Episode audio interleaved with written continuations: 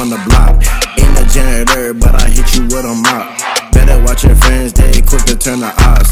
And that bitch nigga will play you for a thought. Ain't, a, ain't no Star Wars, yeah, my shit go TikTok. tere tulemast kuulama Ausad mehed podcasti. mina olen Martin Pukspuu ja mina olen Kris Kala. ja täna on selline esmakordne ja huvitav podcast, kus äh, meil on, eks ju, Eestis puhkenud äh, pandeemia. kriisiolukord ja, ja seetõttu me otsustasime selle, äh, selle podcast'i teha Skype'i teel. ja me ei ole kordagi veel teinud ühtegi podcast'i kolmekesi Skype'i teel koos külalisega. et äh, saab huvitav olema, kuidas see, kuidas see kvaliteet jääb ja kuidas see üldse nagu välja kukub, et. ja, et äh, ma ise, ise enne kui saate juurde lähme, siis ma, siis ongi huvitav nagu näha, kuidas jah, et äh, kuidas elus praegu, praegu, just praeguses olukorras, et ma siin pikalt selle koroonal ei taha peatuda, aga kuidas praeguses olukorras on äh, hästi huvitav näha, et on ühtemoodi inimestel mingil määral hirm ja paanika, teisest küljest on inimesi või seltskondi, kes siis tunnevad, et tegelikult asju nagu teadlikult ja rahulikult vaadates või vaadeldes on võimalik äh, võimalik asja võtta rahulikumalt ja leida nagu jooksvalt erinevaid lahendusi, et äh, ja samal ajal mitte ka üle reageerida, mul siin oli ka alles eile pidi olema ju argieksam, sõidueksam ja siis tühistati ära ja, ja ma kujutan ette, et paljud oleks kindlasti paanikas ja vihased ja sõimaksin eh, jumal teab kes keda, aga ma ise tunnen, et tegelikult ei ole hullu noh, et jäi ära, siis jäi ära, et teeme siis, kui vaja on. Ja, ja meil on tulemas ka live podcast, mida te kindlasti meie armsad kuulajad juba teate. kakskümmend aprill on tulemas live podcast, tänase seisuga veel on tulemas, aga üsna suure, suure tõenäosusega. ma arvan, et selle või järgmise nädala jooksul me anname teile teada, aga me lükkame selle edasi. Ehm, sest et lihtsalt ehm, pileti, piletimüük on seiskunud ja inimesed on oma fookuse tähelepanuga mujal, nii et samamoodi ei ole midagi hullu, et ära jäta, aga leiame siis nii-öelda nagu jooksva lahenduse. et äh, kas sa tahtsid äh, Pukspuu Martin midagi öelda ei, ma tahtsingi öelda, et äh, huvitav aeg on igal juhul, et ma enda jaoks nagu sain ka aru, et äh, minu jaoks on see puhtalt selline õppida nagu veel rohkem äh, lõdvestuma elusse ja usaldama elu ja mitte laskma nagu hirmul tuleviku ees mis eksisteerib ainult meie peas, on ju, et mitte nagu laskma sellel võtta võimust. et ma näengi, et see neljakuine reis Aasias tegelikult andis mulle jälle päris hea sellise kooli, et seal ma nagu pidevalt olin sunnitud äh, usaldama mm -hmm. siis äh, elu. ja nüüd ma näengi, et see Eestisse naastes ja nüüd see olukord, kus ma olen, eks ju, et elame aina vanemate juures ja raha oli ju tegelikult otsa saanud põhimõtteliselt peale reisi ja nüüd võeti võimalus ära treenerina seda juurde ka teenida, eks ju, et. Klubid on kinni. Et klubid on kinni jah, et äh, huvitav olukord, aga. aga senimaani jah, ei ole veel hirmu tekkinud, et tunnen, et see ongi nagu just nimelt see võimalus jälle õppida, et kuidas siis aktsepteerida seda, mis on ja püsida hetkes ja, ja anda enda parim mm. -hmm enne kui ma lähen nüüd saatekülalise sissejuhatuse juurde, kes on täna meil siin külas ja, ja on äärmiselt, no ikka äärmiselt huvitav mees. huvitav on ka selle puhul see, et äh, kuidagi, kuidagi ma olen teda nagu nii palju. nimi on tuttav, nägu oli sihuke mitte nii tuttav, aga, aga kuidagi ikkagi kuskilt läbi käinud. ja kui vaadates ka inimese kogemust, millest ma kohe rääkima hakkan, siis tekib küsimus kus, kus ta ja kus sa olnud oled. aga enne kui jõuan sissejuhatuse juurde, siis ma tahan äh, võib-olla igaks juhuks täpsustada, et meie külaline on ka täna Martin. Äh, seetõttu ma siis pean mina kuidagi siis siin teiselt poolt suutma nagu selgitada teile, armsad kuulajad, et kumma poole ma pöördun, siis me leppisime kokku enne saadet, et külaline jääb Martiniks ja Martin, kes on meie podcast'i teine eestvedaja, siis tema, teda on täna siis vaja kutsuda Pukspuu nime kaudu et siis on arusaadav, kelle poole me pöördume, kes rääkima hakkab. aga lähme siis saate sissejuhatuse juurde. täna on meil külas äh, Martin Kruusvall, kes on coach, terapeut ja ettevõtja. oma parimad õppetunnid on ta saanud kogedes nii võite kui ka kaotusi, hakates sedasi praktiseerima kõiki õpitud teadmisi enda elus. kokku on Martin teinud kümme aastat individuaaltööd erinevate klientidega, tal on pikk, suisa kahekümne pluss aasta pikkune enesearengu praktika selja taga, kogemus selja taga sama palju on ta ka tegelikult ettevõtluskogemust. Mis nüüd on ikka hämmastav tegelikult, et ikka väga pikka aega ettevõtja olnud. ja lõpetanud on ta Holistic Instituudis regressiooniteraapia eriala, samuti on ta õppinud transpersonaalset psühholoogiat ja hüpnoteraapia koolis. hüpnoteraapiaks või hüpnoterapeudiks tähendab, äh, läbinud professional coach training programmi ja kogenud erinevaid idamaiseid õpinguid ja meditatsioonipraktikaid Indias. kindlasti siia tuleb veel mingeid asju juurde, mida ma välja ei suutnud otsida sinu koduleheküljelt ja Google'ist. aga sellise ülevaade mu sai, nii et äh, tere tulemast saatesse, Martin Kruus Kruusvall. Äh, tervist teile ka, väga, väga meeldiv on siis lõpuks äh, olla ise ka selles saates, millest äh, ma olen tegelikult ka päris palju kuulnud. ja väga huvitav on see, kuidas see saade kuidagi hakkas ise minu juurde nagu tulema. et kõige, kõigepealt kuuled, et kuskil on mingisugused ausad mehed. ja alguses ei saa aru, et mis mehed need sellised on. siis äh, jõuab äh, kohale mingisugune link, siis hakkavad siit mingisugused saated jõudma. siis ma hakkasin sisse vaatama, et oota, mis saated need nüüd siis sellised on. ja üllataval kombel siis olid nagu väga huvitavad saated ja väga huvitav nagu selline formaat, mis min, minuga nagu kohe haakis. et see, see võib-olla see läbipaistvus, siirus ja ausus on võib-olla see, need võtmesõnad mm, -hmm. mis, äh, mis on ka üldse kaasaja selline äh, noh, nagu te ütletegi, nii et, et ausad mehed, siis äh, võib-olla selliste äh, uuema aja äh, meeste ja üldse ühiskonna nagu tunnus.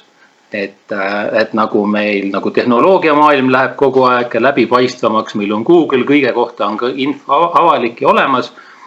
ja ühest küljest on selline isikukaitse teema hästi aktuaalne, aga teisest küljest on kõik jällegi vabam. et see aususe teema on nii-öelda selline globaalne ja, ja, ja üleval üleüldse. et, et selles osas ma arvan, et äh, teete väga õiget asja ja oli väga meeldiv ka siis siia saatesse nüüd ise ka lõpuks tulla. aitäh sulle nende, nende sõnade eest, mis mulle alati teeb südame soojaks, kui keegi jagab tagasisidet äh, ausalt ja avatult ja, ja nii-öelda otse ja mis nagu omakorda veel hästi palju mõjutab minu meelest äh, on ka see, kui näiteks sinusugune inimene nagu Martin, sina oled meil täna psühho, psühhoterapeut ja tegelikult tegeled ka inimese psühholoogia nii-öelda poole ja selle lahendamise ja mõtestamise ja selle nii-öelda siis ähm, läbikäimise, läbivaatamisega, et kui sinusugune inimene ütleb kas siis kirjalikult või otse meile või, või isegi siin saates, nagu sa praegu tegid välja, et see saade on hea, siis see tekitab tahes-tahtmata selle mingi määra sellise väikse ego, egotripi, et tahaks endale taguda rinda ja öelda, et kurat, ma teen ikka head asja, aga, aga samal ajal annab kinnituse sellest, et ju siis, ju siis ei ole nagu päris äh, tühja rääkimine siin saates. et mul lihtsalt eelmine kord jäi meelde, ma korra küsingi su kommentaari ka, et äh, kohe huvi pärast, et kui sa esimest korda sinu kirjavahetus oli, siis ma täpselt sõna-sõnastust ei mäleta, aga, aga minu meelest sa mainisid, et äh, saates on äh, kõlanud päris palju tugevaid äh, mustreid just saatejuhide, juhtide poolt. et äh, kas sa tahad äkki ausalt ja autentselt ja avameelselt julgelt öelda mulle, Martinile, mis sul on niimoodi kohe silma kargab ja pähe kargab praegu. mis on need mustrid, mis sa oled nagu näinud, mis tegelikult on need lood, mida me endale siin Martiniga oleme, Pukspuu Martiniga oleme jutustanud poolesti kaks aastat? ma, ma esiteks ma ei ole ikkagi ju palju ja kõiki saateid kuulanud. ma selle all pigem mõtlesin seda, et äh, miks mul tekkis ka soov endal võib-olla siin sõna võtta, et, et paljud teemad on sellised, äh, mm, kus äh, võib-olla saaks äh, nagu minna veel sügavamale mm. -hmm. jah, et, et üks on see, et, et, et kui räägitakse teatud mingitest nähtustest, probleemidest üleüldiselt mm, aga teine asi on see, et kui nüüd võtaks nagu kuskilt nagu sabast kinni ja vaataks, mis selle taga on, mis on selle asja juured et äh, ma mõtlesin nagu seda selles osas mm -hmm.. okei okay., aga lähme, lähme selle, kas sa, Pukspuu tahad midagi lisada? ei, hetkel mitte. okei okay., et äh, lähme siis äh,, lähme siis selle klassikalise küsimuse juurde, et äh,. tegelikult oota korra segan küll. ei, mingis mõttes ma mõtlesin, et siin võikski ju kohe võtta sellest äh, jutusabast kinni ja mm, -hmm. ja võib-olla nagu proovidagi siin saates ka siis mingi, mingi teemaga minna süvitsi mm. -hmm. vaadata, kuhu, kuhu me jõuame. aga ma küsikski võib-olla siis kohe niimoodi juurde, et äh, lubasin ma koroonast ei räägi, aga Martin, Martin, räägi, mis on nagu sinu tunnetus täna, mis nagu sinus toimub, ma saan aru, et sinuga enne vestlesime, siis me saime mõlemad aru, et meil kummalgi otseselt hirmu ja paanikat pole ja, ja ma olen täna Pukspuuga rääkinud ka sellest, et meil tegelikult ei ole paanikat ja hirmu. aga mis toimub tegelikult sinu meelest, taaskord jälle sinu arvates ainult, eks ole, aga mis toimub praegu globaalsel tasandil ja, ja millele võib-olla tuleks tegelikult fookus suunata? kusjuures ma tegelikult koroonaga üldse, mult küsisid, eks ju? ei, Martinilt. Kruusalilt tuligi ära see esimene. hakkab, hakkab peale. asja, eks. Äh, ma äh, ütleks siis niimoodi, et ausalt öeldes minus endas on kuidagi väga, väga hea tunne. et äh, kuna ma olen nagu väga kõrge kriisitaluvusega siis äh, millest ma kindlasti nagu räägin, kui ma võib-olla endast saan siin rääkida paari sõnaga, siis äh, äh, mulle tundub, et, et see praegune aeg on just selline, selline nagu sihukeses globaalsemas, noh, kuna vot mina räägin ainult psühholoogilisest poolest, on ju. ma ei hakka siin laskuma sellise vandenõuteooria või meditsiinieksperdi tasemele selliseid eksperte on praegu hästi palju igalt poolt tekkinud. Äh, ja mina vaatan rohkem sellist äh, psühholoogilise vaatevinkli pealt seda. Mm, ja, ja ma näen nagu selliseid asju, et, äh, et, et nagu millele nagu peaks rohkem hetkel nagu keskenduma, on ju ja, ja mulle väga meeldib see, et paljud inimesed ongi võtnud kätte hetkel ja, ja veedavad aega oma peredega ma ise elan sellises kohas, et ma aknast äh, näen, kuidas inimesed äh, teevad sporti, mingisugused suured rahvamassid on kõik looduses. Äh, võtavad seda asja nagu, nad leiavad sellist nagu mingisugust nagu positiivset, positiivset selle kõige juures, et see on nagu hästi oluline sellises kriisiolukorras teha. Kus sa tegelikult suurt pilti ei saa mõjutada, on ju, et tegelikult nagu väga palju ei saa mõjutada valitsuse, Euroopa Liidu ja maailmas tehtavaid otsuseid siis me peame mõtlema, mida meie ise saame teha. ja, ja ainus asi, mida me tegelikult saame teha oma organismi jaoks, on ka tegelikult tugevdada oma immuunsust näiteks. ja immuunsust saame me tugevdada läbi selle, et äh, me ei lasku äh, paanikasse, me püüame mõelda rohkem võib-olla selliseid mm, positiivsemaid mõtteid, tegeleda nende asjadega, mis meile tegelikult nagu rõõmu pakuvad, ehk siis mm -hmm. oleme nüüd, meie võimalused on kitsendatud. nii, ja siis nüüd sellest valikust peame siis nagu valima need asjad, mida me suudame teha. ja, ja nagu suure pildina veel see, et, et äh, sellised noh, ütleme, et, sellest meil võib-olla tuleb ka saates juttu hiljem, et äh, kuidas on seotud igasugused erinevad haigused ja tervisemured siis psüühikaga. ja, ja seal on üks teemadest äh, see, et, et mingisugune tervisemure, et kuidas me seda saame lahti häkkida. miks ta tuli, mis selle taga on ja seal on nagu kaks suunda, seal on alati üks suund on see, et, et, äh, et mida see konkreetne tervisemure sul ei võimalda teha jah, et mida, äh, mis jääb nüüd tegemata, et see on nagu see kasu sellest tervisemurest. jah, et kui sul on äh, jalg haige näiteks, siis sa ei saa teatud kohtadesse minna või võib-olla kuhu sa ei tahtnudki minna. noh, need on mhm. niisugused hästi peened asjad, aga kui me häkime nad nii-öelda psühholoogilise seansi ajal lahti, siis seal nad saavad nagu tõestust. et, et kui niisama rääkida, siis mõeldakse, et noh, mis see ikka, see on mingisugune see ei ole nagu tõsine, aga tavaliselt need lahti häkkimised, need jõuavad selleni, et inimene näeb need seosed ära mm. -hmm. siis ka praegu selle viirusepuhangu ajal äh, paljud inimesed on just nagu rõõmsad selle üle, et nad saavad teha teatud asju ja ei pea tegema mingeid asju, mis neile ei meeldinud. et see on nagu hetk selle üle üldse mõelda, et võib-olla sa ei olegi tahtnud mingeid paljusid asju teha, et võib-olla noh, et nagu kasutada seda hetke ära iseenda sisse nagu sukeldumiseks ja samamoodi siis, et mis on need asjad, mida sa ei ole tahtnud teha ja need asjad, mida sa siis nüüd nagu võidad. et see on nagu selline, et ütleme, et siit nagu peale seda kriisi välja tulles võiks olla natukene inimene uuenenud. tal võiks see maailmapilt ja iseendast pilt olla veidi parem. et ja, ja kui me sellest immuunsusest jällegi räägime, siis äh, noh, mina leian, et hetkel just tuleb seda immuunsust nagu tugevdada läbi selle, et teha rohkem sporti, ma ei tea, karastada äh,, psühholoogiliselt immuunsust tugevdada.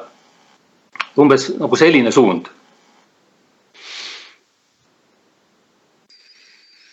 minu meelest väga head mõtted. et selline väga nagu, äh, mis, mis mind ennast alati kõnetab, on selline äh, nagu praktiline ja selline maalähedane äh, nagu teemakäsitlus, et. et just, et vaadata, kui me nagu tegelikult seda suurt pilti me ju otseselt mõjutada ei saa, eks ju, nagu sa ütlesid, et siis just äh, mõelda, mida me saame nagu enda jaoks ja enda, enda tervises, enda mõtlemises ära teha, et. et kui see ükskord läbi saab, et, et meil oleks nagu selgem, mis me üldse elus tahame ja, ja, ja kuhu me liigume. Sest et, et, et, et selline olukord toob inimestes välja äh,. kui me vaatame nagu negatiivselt, siis toob välja kõik need nõrgad kohad. aga kui me vaatame sellele positiivselt, et see on ideaalne võimalus ähm, näha neid kohti, millega me peame tööd tegema. et nagu kuskil võitluskunstides näiteks, et noh, miks sa pead või üleüldse, et noh, tegelikult see kaugem, sügavam filosoofia on see, et sa, sa oma vaenlast pead armastama, sest vaenlane tegelikult näitab sulle sinu nõrgad kohad ette. Et, et kui me mängime sellist kerget nagu vastandumist, on ju, siis äh, see, see viirus näitab ka meie paljud nõrgad kohad ette, näiteks, et üks huvitav teema on äh, see, et, et paljud peavad nüüd oma peredega olema pead jalad koos. see toob väga palju probleeme mm -hmm. ühest küljest. Äh, see toob välja need momendid äh, inimestes, äh, kus näiteks nad ei oska kehtestada oma piire. Psühholoogilisi piire, füüsilisi piire, nad ei teagi, kas nad need üldse on. nüüd toimub praegu see, et, et kõik on pead-jalad koos, neid piire hakatakse ületama. et üks päev on jällegi nagu tore kõik koos olla. nii, aga kui sa oled nagu nädal aega sa oled väikses ruumis, sa liigud vähe, kõik on, kõikidel on omad mingid vajadused. sa ei tea, mis teha, sa püüad olla viisakas. kuidas sa oma nendest vajadustest teisele ütled, aga teine võib-olla solvub ja see kogu sellised nagu siuksed jäämäed võivad hakata liikuma ja hõõruma. me võime öelda, et issand jumal, kui paha. aga teisest küljest me võime öelda, et kuule, jube hea, me saime teada, millised on need hetked, mida me peaksime omavahel lihvima võtaks hoopis mingi raamatu, räägiks need asjad läbi, suhtleme omavahel, muutume kvalitatiivselt veel paremateks, kui me oleme siiamaani olnud. kõik on suhtumise küsimused, tegelikult inimesed on juba käivad ka teraapias nende teemadega, juba hmm.. Et noh, juba, juba kuumenetakse kergelt üle, on ju. aga teisest küljest jälle, kellel on head suhted, no ideaalne, sa saad olla koos ja rõõmustada selle üle mm. -hmm. see on eneseareng see on huvitav jah, et sa seda välja tood, sest et mul just kohe tuligi see teine, teine näide, et kui sul on head suhted, et mina olen nüüd ka kodus oma, oma, oma meeskonnaga, kui tööalaselt siis kodus mm. töötamas ja. ja mul on küll hea meel, et ma saan kodus enda lapse ja naise juures olla. Fantastiline võimalus. just nimelt. aga äkki, äkki lähekski siis teeks selle sellise äh,, võiksid rääkida enda loo ka ära mm, -hmm. et äh, kus, äh, millest kõigest sa oled läbi käinud ja kuidas sa oled siis siukseks väga, äh, mis sa ütlesidki, kriisi, kriisitaluvus on hästi kõrge või ja,? jah, jah. ja, et no mul on tegelikult huvi inimese kui sellise vastu olnud no vist nagu eluaeg vist üks kuueteistkümnendast eluaastast peale, ma arvan ja siis äh, see algas tegelikult sellise füüsilise poole pealt, et äh, siis ma hakkasin äh, kõvasti trenni tegema ise ja mind huvitas peamiselt selline nagu füüsiline inimese areng. Ja see, et, et tegelikult on nagu füüsilises plaanis kõik võimalik. et, et kui sa oled nagu nõrk näiteks, siis teed trenni, saad tugevaks. noh, sisuliselt sa võid kõike saavutada ja, ja siis äh, see jõudis selleni, et noh, seal ma tegisin, tegelesin siis tol ajal nagu kulturismiga ja, ja siis ma olin lõpuks ka jõusaalis ise treener ja siis aitasin inimestel nagu seda keha üles ehitada, on ju. see oli hästi põnev, sellepärast et, et see noh, sa näed oma, oma tulemust, sa näed teiste inimese tulemusi ja sa näed, kuidas see areng toimub. ja no sealt tuli kõik selline üldse huvi sellise noh, ütleme ka nagu tervislik toitumine ja, ja üldse mm, selline, kuidas. see, see tegelikult oli üks selline äh, otsing, kuidas inimene saab olla õnnelik, jah. aga kui sa oled mingis kahekümnendates alguses, siis äh, õnnelik olek on hästi palju seotud sellise ka füüsilise olekuga ja käis läbi selle.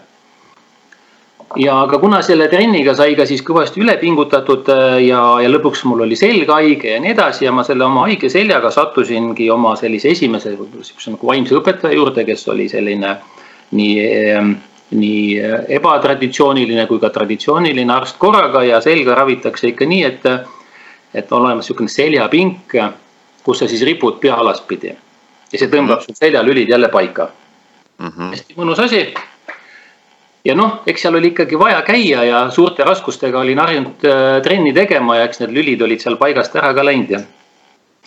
ja äh, aga siis meie, minu õpetaja, mm, kuna tema oli selline väga palju äh, idamaades käinud ja noh, kogu see idamaade meditsiin ja nii edasi. Siis ma ikka rippudes seal nii-öelda pea alaspidi nagu nahkhiir, kuulasin neid jutte, kuidas ta siis kellelegi midagi rääkis ja teistele patsientidele ja siis ta hakkas, rääkis mingisuguseid vaimseid jutte, väga huvitavaid ja kuidas siis on võimalik alternatiivsete meetodika, meetoditega inimesi ravida ja. ja, ja kuidas võimalik kaua elada ja nii edasi, on ju. jube huvitav kõik. siis ma tahtsin tema juurde, küsisin, kas on mingit nagu gruppi idee või. Siis ta muidugi ei tahtnud mind kõigepealt võtta, siis ta mõtles, et noh, noh lihtsalt mingi tüüp tuleb ja ripub siin ja nüüd tahab kohe mingit nagu suurtele teadmistele ligi saada siis ma tol ajal olin selline siilisoenguga ja, ja auto oli mustade klaasidega ja, ja nii edasi, on ju. siis ta mõtles, et ma ei tea, kes, kes ma siis olen, on ju. aga lõpuks ma ikka sinna gruppi sain ja, ja sealt hakkas siis see maailm nagu avarduma. et seal tuli, hakkas sellele füüsilisele poole tulema juurde selline vaimne pool, on ju. Aga see vaimne pool tuli ka juurde koos sellise füüsilisega, et, et noh ja kõik see tervis, see, see tervislikkus on kogu aeg olnud seal ka taustal, on ju, see selline üldkontseptsioon inimesest. et, et sul on psüühika korras, sul on keha korras, sul on toitumine korras. Ähm, seal me tegime, tegime näil, noh, sellised noh, nii-öelda paastu ilusa sõnadega on ju paastulaagreid. jälle sa näed ühe võimaluse ära, kui võimeline sa oled, kui võimekas on ju, et noh. Ma väga pikalt ei ole teinud, ma olen teinud nagu nädal aega aga noh, palju, päris palju ju pidevalt neid selliseid äh, paaste. sa tunned, et, et sa tegelikult, sa saad elada ka ilma söögita. ja olla veel samal ajal õnnelik. ja tunda selliseid hoopis teistsuguseid emotsioone, mis sul tulevad tänu sellele, et, et sa oled ühest küljest, kust see kriisitaluvus ja kõik tuleb, on ju. sa saad aru, et sul ei ole mingisuguseid piire, et sa oled nädal aega söömata ja sul on, sa käid jõusaalis edasi sa käid jõusaalis, tõstad raskusi, okei okay,, sa tõstad natuke vähem muidugi, et mingi üle pingutada, on ju.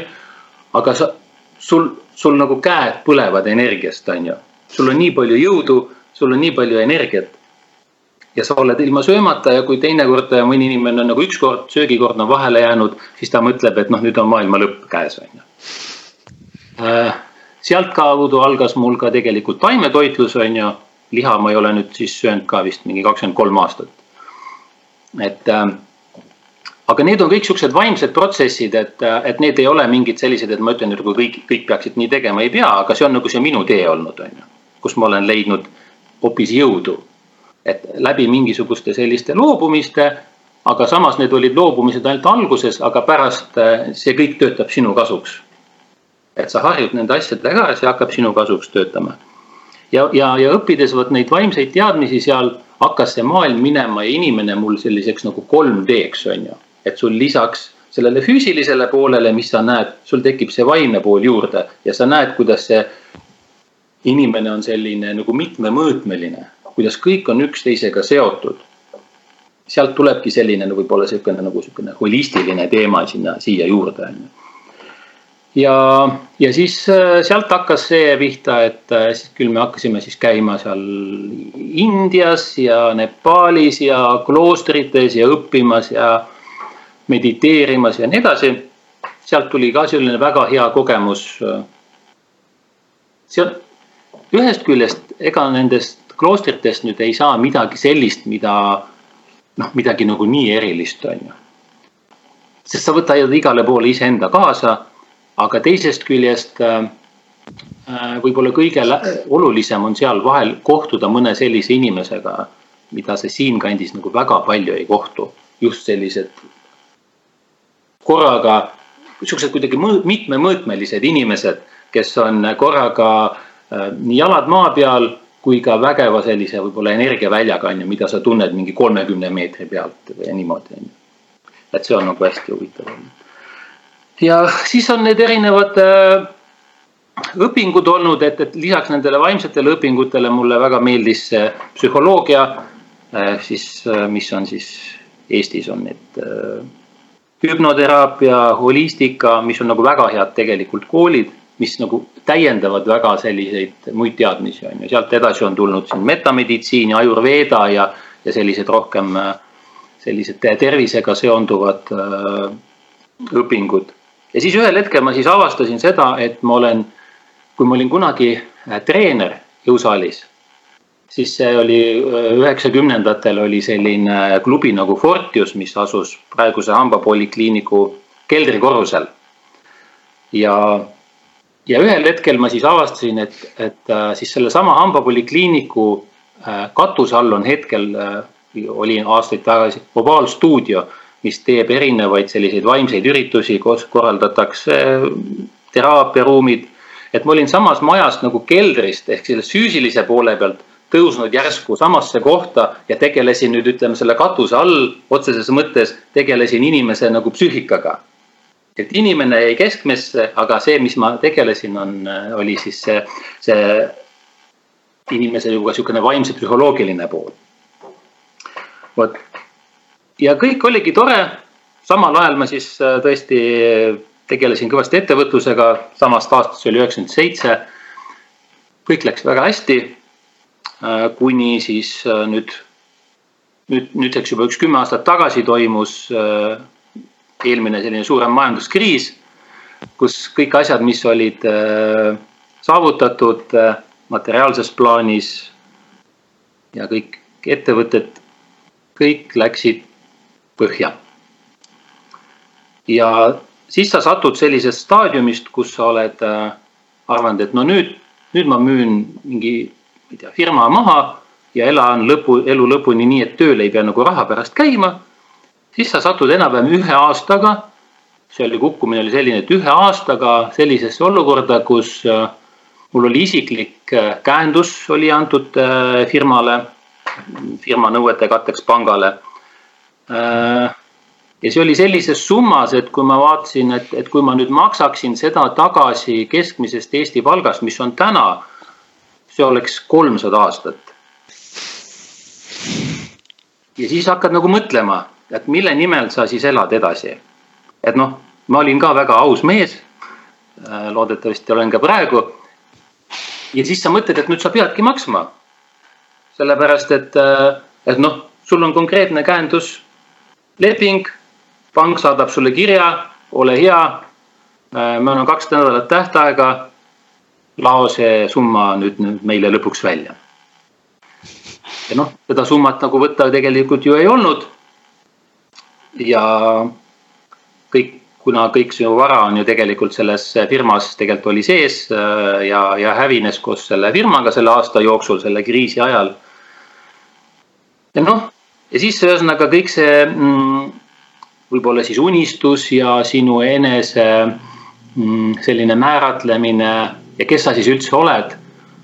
noh, siis saab nagu päris valusa löögi, pehmelt öeldes Äh, sul on loomulikult ka siis pere ja nii edasi. ja mis sellest siis kõik saab, on ju. su sisuliselt noh, sissetulek ju mitte see vähe, mitte ei lange, aga, aga sul ei ole sissetulekut sisuliselt kolmsada aastat ette, on ju. see on nagu kolmsada aastat orjapõlve põhimõtteliselt ja sa annad nagu kusjuures kõik ära, on ju. noh, muidugi selleks tehakse eraisiku pankrotid ja nii edasi. Õnneks mul nii kaugele see asi ei läinud. aga, aga ma noh, ütleme see selline depressioon on ju, kuhu sa siis nagu kukud, on nagu päris korralik äh,. Täpselt samasse ajajärku kuskil poole aasta sisse sattusid muud võib-olla siuksed ähm, inim, inimeste kaotused mm, ja, ja siuksed inimeste kaotused, mis toimusid nagu päevapealt, on ju, ilma igasuguse, ilma igasuguse nii-öelda ettehoiatamiseta.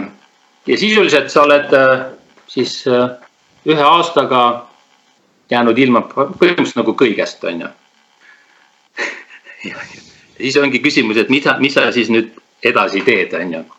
et kui see, mis olid äh, veel aasta tagasi, sellest ei ole mitte kui midagi järgi ja kuidas sa siis hakkama saad ja mis tuju sul siis üldse on ja kas sul ongi üldse mingit tuju midagi teha, on ju, siis sa, see seisund võib-olla oli selline, et sa tunned ennast ühe sihukese suure halli kivina.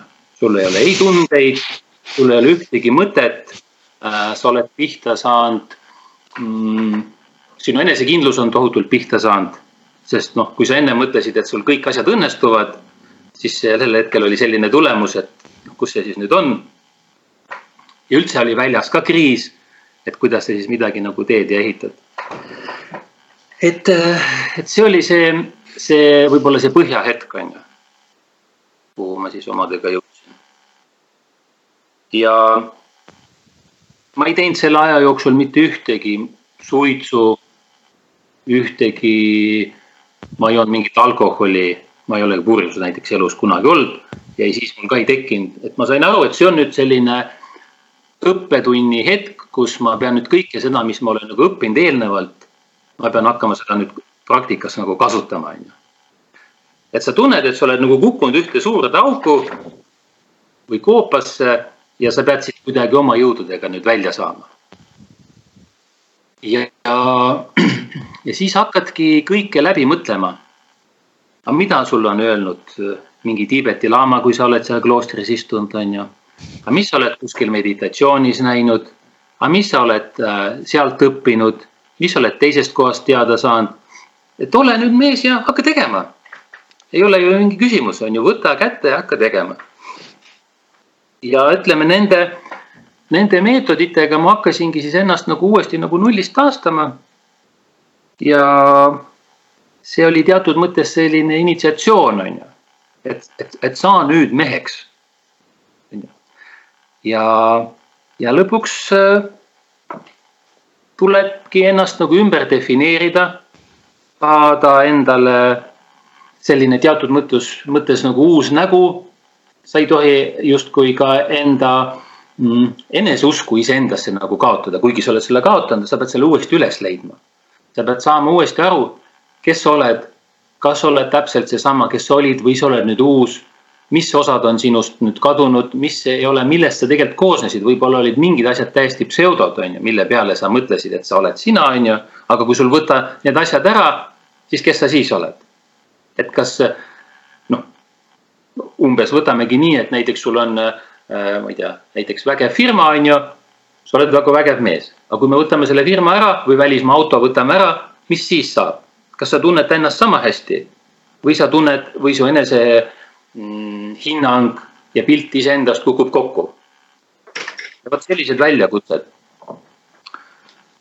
Äh, loomulikult siis oli ka tohutu seljavalu, tekkis uuesti tagasi, see on jällegi huvitav teema, võib-olla hiljem saates siin räägime, et, et kuidas siis näiteks seljavalu on seotud hästi palju inimese äh, eneseväärtustamisega. ja ja siis sul on hull tebrekas, sul selg valutab, sa ei saa äh, kingagi jalga panna, sest sul on need kõik asjad koos, on ju. see on nagu emotsionaalselt, aga tehniliselt võtad teema teema haaval ja hakkad lihtsalt neid asju ära lahendama. Ja sealt pealt ongi siis tekkinud kõik need, võib-olla kõik need mm, meetodid, mida ma olen siis nagu lihvinud, et kuidas sellistest olukordadest välja tulla, mis on kõige tähtsam, mis asjadele ei maksa üldse tähelepanu pöörata, kui sa sihukeses kriisiolukorras oled, on ju. mis, mis tegelikult on tähtis, mis annab sulle jõudu, mis sulle jõudu ei anna, kuidas sa pead sealt nagu välja tulema, äh, milliste inimestega suhtlema, kellega sa ei tohiks nagu suhelda, on ju, sest need tõmbavad alla. Kõik sellised väiksed asjad. ja sealt sa hakkad ennast nagu uuesti üles ehitama ja ühel hetkel sa siis saadki aru, et, et, et, et, et millised kriisid on tegelikult üks köki-möki on ju. ja, ja, ja mis asi on nagu tõsine. et mulle väga meeldib siin üks sellistest ähm, suurtest eeskujudest. noh, mis ma võtan, võtan reaalse mütsi maha, on üks selline mees on nagu Nick Vutšitš on ju. Võib-olla olete kuulnud, üks mees, raamatuid on tal ka eesti keeles, kellel ei ole käsi ega jalgu. ja kes on motivatsioonikõneleja ise.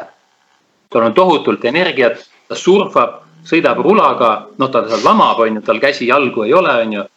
tal on ilus naine, tal on mitu last. ja tal on, ta on kogu sihuke nagu positiivne, on ju. siis ma olen mõelnud, et, et, et kui tüübil pole käsi ja jalgu ja ta on nii positiivne. ja mul on need kõik olemas. Siis millest me siin üldse nagu räägime, on ju. siis ma alati mõtlen, et mis nagu see Nick Vutšits minu probleemide peale ütleks, on ju ja siis, ja siis läheb nagu kähku kõik hästi paika. vot see on nagu lühidalt äh,, mitte nii lühidalt, aga see, see, see minu lugu, millest ma olen nagu läbi käinud ja kust see selline, see kriisitaluvus on nagu tekkinud.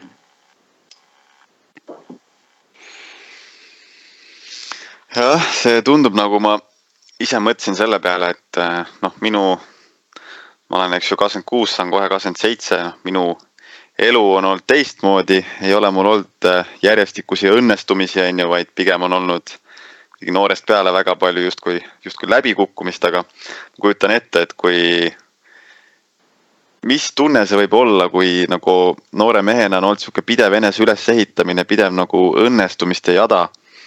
ja siis järsku nagu võetakse kõik käest ära, et äh, jah ma ei oskagi ette kujutada, kuidas see nagu muudab või kuidas see äh, lihvib, karastab, viib ära kõik selle, mida vaja ei ole, eks ju, endast nii-öelda. jah, no näiteks üks minu üks äh, ühes ettevõttes olnud äh, kompanjon lõpetas sellel perioodil oma elu ise ära.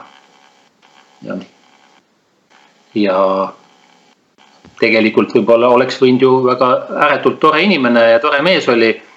aga oleks võinud ju edasi, edasi elada ja nüüd on ajad muutunud ja kõik asjad on muutunud ja kõigest sa tegelikult saad lõpuks välja tulla. et see on nagu hästi oluline ka kriisi ajal näha seda, et, et noh, see on niisugune sügav, süvafilosoofia, et kõik asjad ühel hetkel nagu mööduvad. ja mm, -hmm.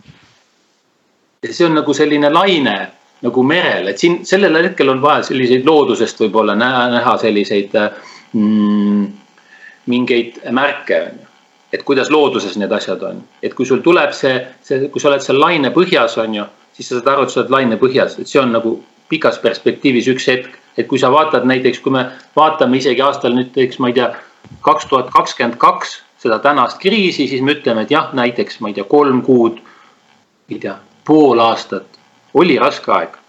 jah, kõik istusid kodus, tegelesid oma nende asjadega, mis nad siis tegid, siis läks see aeg mööda. nüüd me sõidame jälle mööda maailma ringi ja nii edasi, et hästi kasulik on vaadata äh, nüüd minna mõttes tulevikku ja vaadata tulevikust tagasi mm. -hmm. kasvõi iseendana, et kujutad ette, et, et milline sa oled äh, kaks tuhat äh, kakskümmend kaks ja, ja vaatad selle tuleviku minana ennast, tänast on ju. jah, ja mis sinuga siis toimub, et see on üldse üks hästi oluline oskus vaadata ennast nagu kõrvalt, et stopp. et kes sa selline üldse oled, mida sa üldse teed, on ju, et sa saad aru, et, et need on kõigest need tänased emotsioonid, et me kasvame oma emotsioonidega nagu kokku. aga tegelikult me ei ole ainult nagu meie emotsioonid, on ju, on veel midagi. ja, ja noh paned silmad kinni, kujutad ette, et sa oled kotkas, vaatad ülevalt ennast alla, et mida see mees üldse seal all teeb praegu. kas see, mis ta siin sebib ja, ja närvitseb ja emo, äh, on mingis emotsioonis, et, et kas, kas see suure pildina on üldse oluline või see on ainult hetk selline ja see läheb tegelikult ju kohe mööda. et see on üks, üks, üks võimalus, noh, kuidas asju näha kõrvalt ja ennast siis jälle nagu tagasi tuua. aga mis sa oskad inimestele meie kuulajatele nagu soovitada, et äh, on ju väga palju inimesi, kes tegelikult äh, ka ise olen mõnikord selles olukorras olnud, võib-olla mitte nii, nii nagu sügavalt, aga ikkagi olen tundnud seda elus, et äh, me kipume nägema tulevikku või vaatama tuleviku stsenaariumeid tänase perspektiivi ja teadmiste ja kogemuste põhjal. mis tähendab seda, et see tegelikult mingil määral on juba limiteeritud, kui sul just ei ole väga elav fantaasia ja võime unistada või võime soovida või, või tunda seda, et asi võiks justkui laheneda. Kuidas nagu seda enda, enda igapäevasesse praktikasse tuua, seda teadlikkust sellest, et see, kus me täna oleme, ei tähenda, me oleme homme samas kohas et see on selline võib-olla sihuke tasakaalu hetk, et sa, sa äh, nagu jätad omale sellise äh,. seda, seda ei saa öelda, et see on nagu veaprotsent, aga mulle väga meeldib ja väga aitab selline äh,, selline nagu sihuke nagu nalja vanasõna, et kui tahad jumalat naerma ajada, siis räägi talle oma plaanidest. ma täiesti nagu usun seda et, äh, et kõik asjad ei lähe nii, nagu me plaanime. aga see ei tähenda, et me ei peaks plaani, planeerima. et me paneme omale eesmärke. Äh, me teeme plaane, aga samal ajal me laseme nad vabaks. me saame aru, et tegelikult elu läheb nii, nagu ta läheb. Me teeme enda poolt maksimumi, mis me saame teha. aga me, me ei punni ka vastu et siin võib-olla on loodusest jälle võtta sellist nagu eeskuju veest, on ju et, et kui on kivi on ikkagi jõel ees, siis see vesi ujub sellest kivist mööda. ja ei tekita mingit suurt probleemi sellest üldse. no kivi on ees, siis paneme kõrvalt, on ju. et selle eesmärkide seadmisega on täpselt samamoodi, kui me ei sea üldse eesmärke, ainult kulgeme, siis äh, noh, siis ütleme niimoodi, et me läheme sinna, kuhu siis tuul puhub ja lihtsalt see vesi viib ja kuhu teised meid suunavad. see ei ole ka, see on üks äärmus ja teine äärmus on see, et sa ainult nagu jäigalt planeerid. ja, ja noh, on praegune maailm ka liigub nagu selles just suunas, et sa ei, kõik muutub nii kiiresti, et sa ei saa teha mm, väga pikki plaane, sest, sest ei ole võimalik kõike kontrollida. See on ka üks õppetundidest, mis praegu toimub, et, et äh, mingil määral nagu sihuke alistumise õppetund. jah, et sa saad aru, et sinust kõik ei sõltu, sa pead kogu aeg olema kõigeks valmis, iga sinu lend võidakse ära jätta, iga sinu plaan võidakse kuskilt sekkuda, on ju. ükskõik kui kõvad mehed ei planeerinud aastat kaks tuhat kakskümmend, aga kõik on praegu selle nii-öelda selle viiruse teemaga kuidagi seotud ja kõigide plaanide, plaanid on nagu muudetud, oled sa president või kes iganes, on ju. et aga kui sa oled arvestanud selle sisse, et kõik võib muutuda pidevalt, sul ei ole järelikult ka selliseid noh, siukseid megasuuri ootusi, sul ei ole ka pettumusi. jah, ja kui sul ei ole pettumusi, siis sa säilitad selle tasakaalu pidevalt. sest aru jah, noh, läks nii, läks naa. ja sa suudad aga hästi kiiresti reageerida, hästi kiiresti kohanduda, et see kohandumine on võib-olla üks selline oskus. Et, et, et ehk siis kokkuvõtteks ei, ei maksa, plaane tuleks teha, aga ei maksaks nendesse kinni jääda sest ei ole nagu neid garantiisid, on ju, see on täpselt samamoodi nagu on suhetes ja kõikides asjades, et nagu väga romantiline on mõelda. aga no elus tuleb igast asju ette, on ju.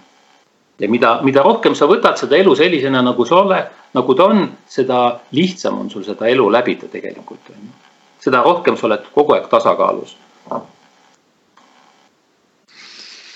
mm -hmm.. võib-olla see, mis ma küsida tahan, mingil määral sa juba vastasid ka sellele just nüüd, aga aga võib-olla natuke veel sellel teemale laiendada, et, et tundub, et ja sa oled kodu, oma kodulehel ka kirjutanud, et sul on väga hästi õnnestunud ühendada selline vaimne maailm ja teisalt selline äh, äriline maailm, eks ju. Mm -hmm.. nii-öelda praktilisem maailm omavahel kokku. et tundub, et sa oled leidnud nagu enda jaoks sellise hea tasakaalu, et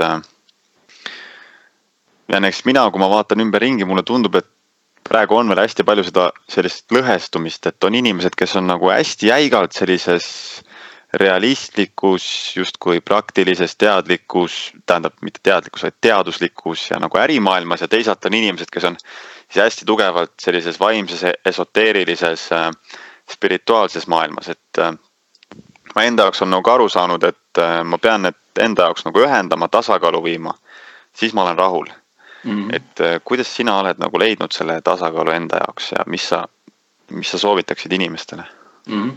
see on ka huvitav teema, sellepärast kui ma vaatan, noh näiteks vaatan äh, oma Facebooki. kus on siis pool seltskonda on äriseltskonda, kus on mingisugused analüütikud, pankurid, mingid sellised tüübid, väga ratsionaalsed. mingitest tunnetest ei ole seal üldse juttu. Ja siis kõik on tõenduspõhine, kõik on statistika, numbrid, täitsa okei okay asi. ja siis on selline nii-öelda, nii-öelda selline vaimsem seltskond, kus on hästi palju selliseid Äh, tunnetel põhinevaid seisukohti, tunnete väljendamist, nii edasi. siis ma olen vaadanud, et, et, et kui, kui erinevad need maailmad on ühest küljest. Aga, aga teisest küljest äh, see on rohkem võib-olla see, mis äh, meile nagu tundub. sest et, et kui, ähm, kui võtta nüüd, kuna mina tegelen nagu üks-ühega inimestega, on ju, siis kui, kui võtta väga ratsionaalne inimene ette ja mine, minna temaga nagu sügavale, siis selgub, et tegelikult ta teeb ju ikkagi oma otsuseid mm, ühel hetkel, noh, ta võtab mingisugused andmed näiteks omale eeskujuks, ta arendab mingit uut asja, aga ta tegelikult võib-olla äh, teeb seda ka noh. ja arendab mingisugust uut toodet, ma ei tea, startup'i näiteks. ta usaldab hästi palju oma tunnet tal mingi, kui hakata nüüd neid kuulama, siis äh, väga paljud tunnistavad seda, et mingi kõhutunne neile ütles, et sa pead minema sinna suunas. Jah, või nad leidsid väga loomingulise mingisuguse lahenduse mingisugusele probleemile maailmas. olles väga sellised justkui nagu ratsionaalsed inimesed. ja, ja teistsugused äh, toodi jälle teistsugustest inimestest välja võib-olla selle äh, mingisuguse teise osa, ehk siis, eks see, see võib olla see, see, kuidas mina neid maailmaid nagu kokku panen, on see, et, et noh, ma ise olen nagu mõlemas maailmas. jah, olen nagu sihuke nagu kahepaikne sisuliselt on ju. ja äh, üks oluline osa, et, et saada selline ühine keel selle kahe maailma vahel, on see, et äh,, et tegelikult neid piire seal vahel ei ole. jah, et sa ei saa olla nagu hinnanguline et need on nüüd sellised ja punkt ja need on need sellised ja punkt. sa, sa saad aru, et tegelikult hingepõhjas on igalühel on olemas, ütleme nendel, kes on nagu ratsionaalsemad, neil on mingi pehme osa ka sees. Ja need, kes on pehmemad, neil on tegelikult väga jäigad osad ka kõigil inimestel sees kuskil olemas. ja siis hakkad neid asju nii-öelda lahti, kui see inimene tuleb äh, näiteks vastuvõtule, siis hakkad neid asju nagu lahti häkkima ja siis sa häkid nad niimoodi lahti, et inimene ise näeb need asjad ära ja peale seda kaob see vastuolu nende kahe maailma nagu vahel ära. tegelikult seda ei ole olemas. see on sihuke nagu rohkem niisugune väline. ja, ja läbi selle on võimalik äh, saada hästi selline ühine keel väga erinevate inimestega. see, see võib-olla see alusasi on see, et, et sa pead olema hinnangute vaba, on ju. sa pead uskuma seda, et see ühine osa, ühisosa on kõigil tegelikult olemas ja võib-olla sa lihtsalt pead nagu leidma selle või ühise sellise mingi keele, ühised mingisugused näited. selle, selle väikse sellise nagu see näha, kus kohas see uks on praokil läbi mille saaks sellele inimesele nii nagu ligi, on ju. ja peale seda kaovad need vastuolud ära ja sul on võima, võime rääkida absoluutselt erinevate inimestega erineval tasemel, erineva äh, taustaga. ja sealt selgub, et ei ole tegelikult nagu mingit nagu vahet, on ju. see on huvitav jah, ma just äh, neli kuud Aasial reisil, reisil olles äh, sain hästi palju, hästi palju mõistsin seda, et minus on olnud äh,, no ja on muidugi siiani, eks ju mm -hmm., meeletult palju sellist inimeste sildistamist, lahterdamist, hinnangute andmist mm. -hmm ma küll arvasin juba ilmselt mõni aasta tagasi, et mul enam seda eriti ei ole, aga nüüd ma sain aru, et tegelikult seda oli ja on siiani väga palju mm. -hmm. ja märkangi, kuidas, äh, mida rohkem ma lõhun neid äh, kaste ja piire, kuhu ma olen erinevaid inimesi ja, ja situatsioone ja asju asetanud. seda nagu kuidagi sujuvamaks muutub elu, et seda lihtsam on nagu suhteid äh, luua, seda lihtsam on inimestega suhelda seda rohkem on tegelikult neid ahhaa-momente, kus äh, võib-olla inimene, kelle ma kaks aastat tagasi oleks asetanud mingisse kasti, et, et noh, ma ei tea, see on ikka paadunud hipi, on ju. Siis nüüd ma räägin selle inimesega ja ma saan hoopis võib-olla nagu mingi väga-väga sügava taipamise või ma näen tegelikult, äh, kes on see inimene seal taga, eks ju, et äh, hästi, hästi palju nagu on minu enda maailm avanenud tänu sellele, et ma olen hakanud vaikselt nii-öelda teadlikult vabanema ja märkama, kui ma jälle üritan mingisuguseid kaste oma peas nagu asjadele, inimestele, olukordadele ümber luua. jah, see, see on, see on ülisuur, ülioluline üldse omadus, et äh, saada elus äh, teistega läbi, et, et, et liigu, liikuda edasi pingevabalt. sa, see on selline seisund, et sa käid, sul ei ole taskus ühtegi silti, mida sa saad sildistada mitte ühtegi. selge, et meil nagu teatud soodumus selleks on. aga need, need, need võiks olla sellised rohkem äh, sellised noh, niisugused nagu läbipaistvad sildid, siuksed nagu ühepäevased on ju. et sa lubad sellel sildil äh, nagu ära sulada. et noh, mingi soodumus on meil kõigil panna mingisugused sildid, meil on mingi elukogemus äh,, mingisugused stereotüübid, aga need ei, ei saa olla jäigad. sest see võimalus, me muidu võtame ära sellel ka iseendal võimaluse äh, astuda üks samm edasi, et mul on selle kohta jälle üks hea näide. Üheksakümnendatel oli siin ju Eestis teadagi siuksed keerulised ajad ja, ja kuritegevus ja kõik muud asjad. ja ma ühte oma äh, tänaseks head sõpra mm, siis nägin kogu aeg ühes sellises äh, võib-olla mitte kõige sõbralikumas seltskonnas. pehmelt öeldes ja mõtlesin, et annaks jumal, et ma selle inimesega küll elu sees kunagi kokku ei puutuks. see oli nii ebameeldiv mulle. Aga kuidagi elu viis äh, temaga ikkagi kokku, küll hoopis mingites muudes küsimustes. ja peale seda hakkas tema hoopis minu käest küsima, et kuule, sa käid seal kuskil Indias ja nii edasi, et kuule, ma tahaks ka tulla. kuidas see võimalik nüüd on, et selline mees küsib minu käest, et kuule, kuule, lähme umbes Indiasse aga lõppes sellega, et, et äh, me käisimegi temaga seal Indias ja käisimegi, rändasime seal ringi. ja nüüd on mees ise joogatreener, kõik oma eelmine elu on tal selja taga ja väga-väga tore ja normaalne inimene. jah, et, et, et mina siiralt usun, et inimesed on võimelised muutuma. jah, et võib-olla see hetk, kui me neid näeme nad on sellised, nagu nad on. Aga me ei tea, mis toimub homme, mis situatsioonid, olukorrad võivad temaga juhtuda. temaga toimuvad need muutused. väga tihti tuleb äh, pereküsimustes, mm, inimesed tulevad, et, äh, et noh, et äh, ma ei tea, on vaja lahku minna. sest teine on käitub kuidagi niimoodi, et, et ei ole võimalik temaga enam koos elada, on igasugused solvumised, asjad, kõik, kõik suhted on täiesti läinud äh, aia taha. ja siis äh, vahel on võib-olla see õigustatud, on ju. aga vahel on nii, et äh,, et kui nüüd asi läheb tõsiseks, siis see teine osapool võtab kätte ja muutub.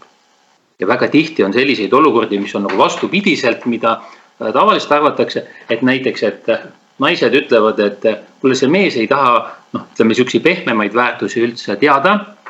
Äh, võib-olla isegi naerab nende üle. siis, äh, et noh, ma olen nüüd lahku sellest mehest, noh igaks juhuks tulin siin teraapiasse, aga no tegelikult ma tahan sellest mehest lahku minna.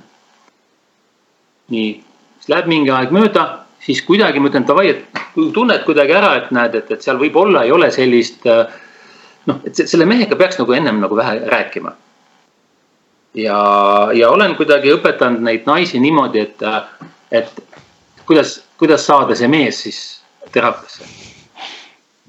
ja siis see mees tuleb. ja kuna ma räägin siis mehega meeste keeles, asjadest nii, nagu need asjad tegelikult on, ilma liigse emotsioonita, siis mehel, mehi hakkab see asi huvitama. kuule, et see on ju jumalast hea teema. umbes, miks ma nagu varem pole tulnud ja, ja mul on väga palju näiteid, kus siis äh, mehed võtavad sellise enesearengu tee endale ette ja tõmbavad nagu naistele järgi ja vahel tõmbavad nendest möödagi. ehk siis need mehed muutuvad see, see ja see mehe muutumise võime on tegelikult kogu aeg olemas, aga sa pead lihtsalt talle tema enda keeles väga õigesti seda asja rääkima.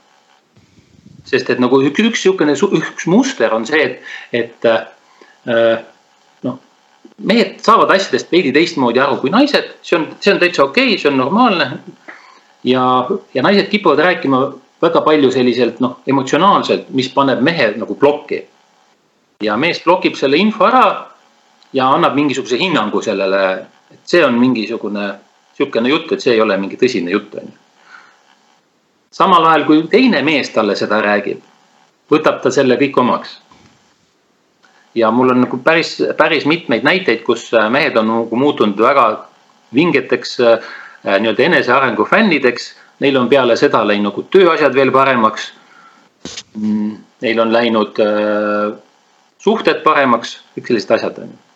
et, et mina siiralt usun, et inimesed või, võivad muutuda, mitte kõik, mitte kõik, aga väga paljud. jah, Kris, magad seal juba?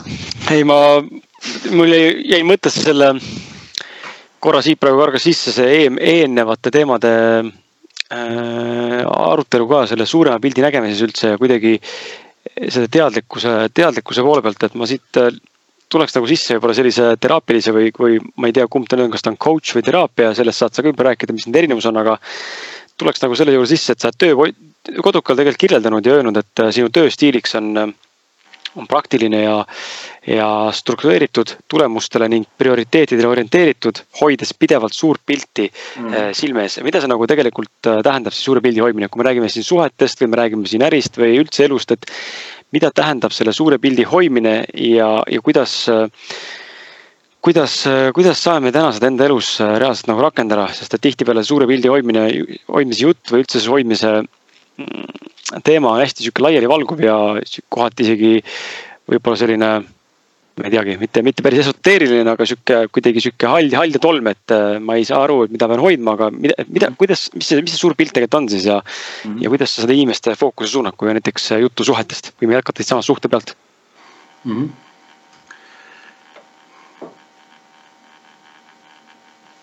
see, see, see minu kontekstis see suur pilt, mis äh, mm, mida ma näen ja, ja püüan siis ütleme selles äh, kohtumises kliendiga nagu aru saada, vahet ei ole, on ta siis coaching us või, või teraapias. mis, et milline on see taust, mille, mille sees toimub mingisugune konkreetne sündmus või see inimese probleem, mis tal on. see on äh, see, et kus sa, kus sa näed, äh, kuidas on üks mingisugune detail seotud võib-olla palju suuremate sündmustega. jah, et äh, ma ei tea, puu näitel võib-olla, et noh, inimene tuleb mingi puulehe, noh, nii-öelda kui puu tuleks teraapiasse, ta tuleks, näed, mul on siin leht haige, on ju. või mul on segadus mingi lehega.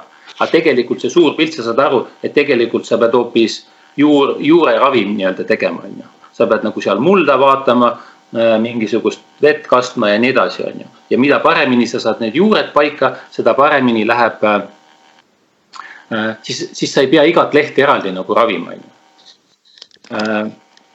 ehk siis see on, see on teatud mõttes selline, selline nägemine, kuidas toimuvad mingisugused äh, ähm, sellised nagu suuremad protsessid kus see inimene on, et noh, väga tihti näiteks tuleb nagu noh, konkreetne näide, et noh, tuleb, et tal on nagu mingi nohu, jah, krooniline nohu aga tegelikult äh, peale kolmandat küsimust sa saad aru, et äh, näiteks üks naisterahvas näiteks on ju, teda on hoopis võib-olla vägistatud. jah, ja see nohu on nagu kõige, kõige väiksem nagu sümptom, sümptom.